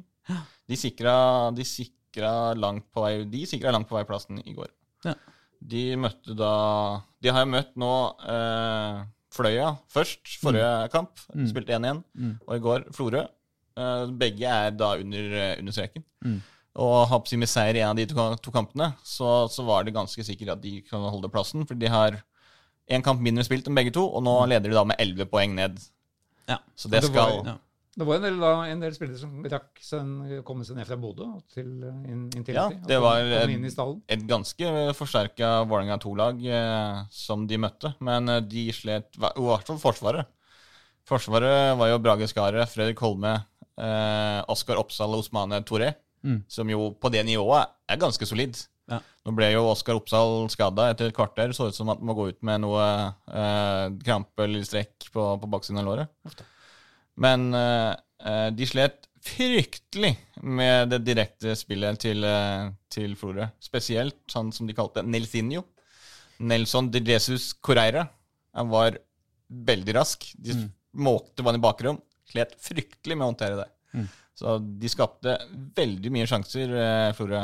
Eh, og de eh, nei, vi kan ta det. Magnus Beck, Beck Risnes skåret to mål. Mm. Eh, begge to strålende mål. Eh, begge gangene så kom Vålerenga ned på kantene, slo inn eh, et overhopp som gjorde at eh, Magnus Beck Risnes fikk ballen. Mm. Begge gangene eh, finta han av spillere, dro ned keeper, satte ballen i nettaket. Ja. Den andre gangen satt den i, altså i nettveggen. Altså veldig kaldt. Veldig bra jobba av, av, av Risnes. Mm. Nelsinho skåret to mål Mm. for, for Florø, og Florø pressa på det siste for å få for å avgjøre kampen. Mm. Og for de så var det mye viktigere enn Vålerenga. Ja. Men på overtid så var det en meget usynlig Henrik Udal, som ikke hadde gjort noe i hele kampen. Fikk tidenes gavepakke i Florø-forsvaret, som gjorde at eh, Jakob Dikoeng kunne han sende han gjennom, og da alene med keeper runde han, satt han i åpent mål. To minutter på overtid, avgjorde kampen. Så det var De usynlige kan også levere. Ja. Eh, og det er, det er jo litt sånn typisk Henrik Udal. For han, han er jo ikke så veldig mye med liksom, i spillet og oppbygging og sånn. Men han er jo en målsnik som stort sett ofte er der ballen detter ned og skårer. Og det gjorde han jo nå på, på overtid, selv om han jo ikke hadde noen spesielt god kamp. Det han ikke. Men det gjør jo at det ser veldig bra ut da for, uh, for Vålerenga 2, som nå har da 11 poeng ned med én kamp eh, mindre spilt. Da har de klart seg. Jeg lurer på om vi konsentrerer oss om uh, sjølve resultatene ja, nede i, uh, i Treadiv. Ja, fordi det var jo ti lag. Men vi kan jo da for en gangs skyld starte i bakerst, i og med at vi har hatt Stovner på besøk. Ja. Så de er jo da rangert sist av alle lag i tredje divisjon. Mm. Så, men vi nevnte vel ikke da i vår samtale med Kjell Sverre at uh, mannen som skåret målet for Stovner nå for første gang på over åtte timer uh, uten nettkjenning Mm. Det er jo sånn arbeidsdag, uh, og vel så det, i gamle dager i hvert fall. Mm. Kanskje ikke i våre tider. Kamyar Adel Bawa satte 1-0 mot Groruds annet lag, mens Amel Muratovic utlignet for Grorud i den kampen, som endte 1-1. Mm. Som gjør at da de ligger sist og møter serieleder Gjøviklin. Nei, Jo, Gjøviklin, ja. De møter Gjøviklin nå. Stemmer det? Dette var i avdeling jeg sa bakfra. Dette er i avdeling 1, så dette Ja. var helt logisk. Ja, det var Vi forfra, Faktisk forfra. Ja. Ja. Eh, Oppsal slo Kr- Kråkerøy 3-2, skåring på overtid. Gult kort til trener, eh, gult kort til spillere. Masse kaos på trasopp. Ikke gult kort til daglig leder, det burde det sikkert vært. Det burde antagelig vært, men det ble bare til trener Roy Arne Berg. Mm. Eh, Rødt kort til eh, motspiller. Det kokte på Oppsal Kråkerøy, men Oppsal vant og fikk en viktig seier. Avdeling fire Veldig nære den sjuendeplassen din. Sjetteplass, elleve poeng. Bra. Avdeling fire konkluderer med at Lyn er ute av opprykkskampen. Ja. Jeg var selv på Kringsjå og nøt 2-2-kampen deres mot øh, Os, Mm. gamle hederskolen til Os, Mm. som leder 2-0 til pause etter to dødballer, Mm. mens Lyn hadde hele banespillet. Slik er det med Lyn. Eh, mens Frigg vant sin kamp igjen 2-0. De vinner hver kamp hele tida. De bare tar og valser over alle vestlandslag som kommer til Østlandet. Så Frigg leder da avdelingen, ett poeng foran Fyllingsdalen og Fana på 19. Så det er, eh, det er Frigg eller Fyllingsdalen det handler om, antagelig. Ja, og selv om Lyn nå er ferdigspilt, holdt jeg på å si, de, er vel ikke, altså de skal spille ferdig resten av kampene, men de kan jo ikke rykke opp. Så er det Lyn som kommer til å avgjøre hvem som rykker opp. Fordi eh, Lyn møter da også Frigg og Fyllingsdalen i sine to siste kamper. De møter Frigg nest siste serierunde, Fyllingsdalen i siste serierunde. Så eh, Lyn kommer til å få helt direkte eh, avgjørelse på hvem som rykker opp fra, fra den divisjonen.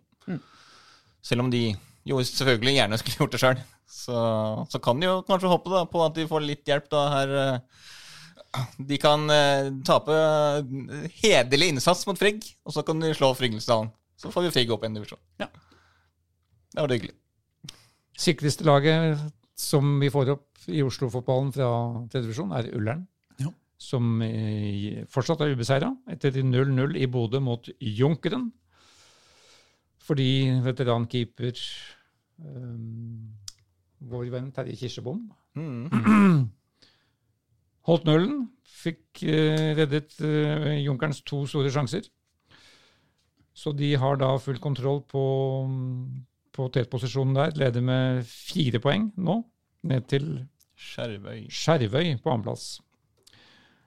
Uh, Skeids unge lag tapte 4-1 i Mjølner. De stilte med et veldig ungt, nærmest guttejuniorlag. Mens Lokomotiv Oslo slo tilbake og vant 5-1 over Finnsnes på Senja. Ja, bra. Og de møter da nettopp Skjervøy i kamp kommende helg og kan hjelpe Ullern i den opprykkskampen.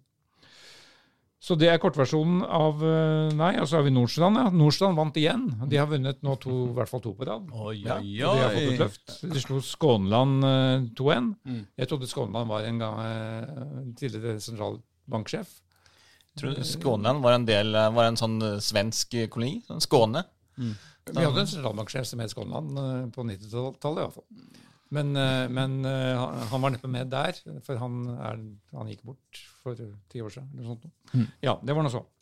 Men um, Ullern er i posisjon til opprykk. Møter, møter da Skånland neste gang. Så vi kan få Frigg og Ullern.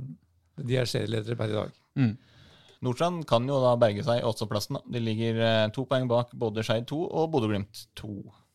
Med Etter den fryktelige starten de hadde, så er det ikke De har fortsatt ikke rykka ned, så det her er det bare å stå på for uh, konklaven uh, Nordstrand, som uh, vår venn Håkon Thon kalte de for et par episoder siden. Ja. Uh, kan ikke kunne alle ord i verden. Uh, nei, men det, det er jo selvfølgelig uh, Hvis Stovner er på en måte Groruds eh, på en måte en, irriterende lillebror, så er kanskje Nordstrand KFUMs eh, litt irriterende lillebror. Det er jo litt synd om begge de irriterende lillebrødrene skal rykke ned. da. Ja. Stovner er det vel Jeg vet ikke om å si at eh, Nei da, det er ikke kjørt. Faser Men, men Nordstrand har gode muligheter, i hvert fall. Det er det, altså Bortsett fra at du aldri veit med disse andre lagene da, til topplag som ligger der og ødelegger serie, seriespillet. Altså For Stovner også, så er det også bare tre poeng opp til Nybergsund. Ja. På plassen over, eh, over nedrykk. Mm. men eh, det hadde vært greit å vinne en kamp. Ja. Det blir vanskelig å Det blir vanskelig å unngå nedrykk hvis du ikke skal vinne. Men Oppsal, Oppsal kan vel jo verken gå opp eller ned.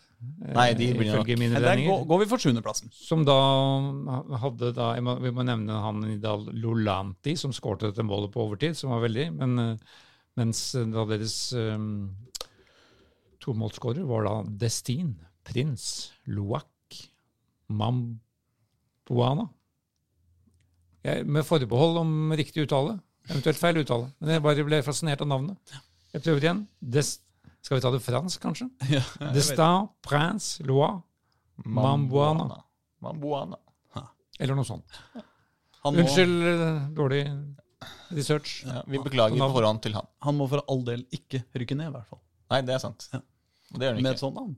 Ja, nei, det gjør han ikke. Er vi mål? eh, Er vi gjennom? Vi, Ja, for nå er jo, starter jo neste runde her før vi nesten får lagt på stoppknappen. Ikke sant? Så Så det er bare å kamp kommer.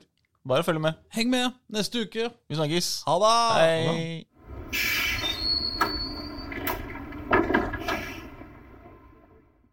Du har hørt en podkast fra Dagsavisen. Ansvarlig redaktør heter Andreas Heen Haaland Karlsen.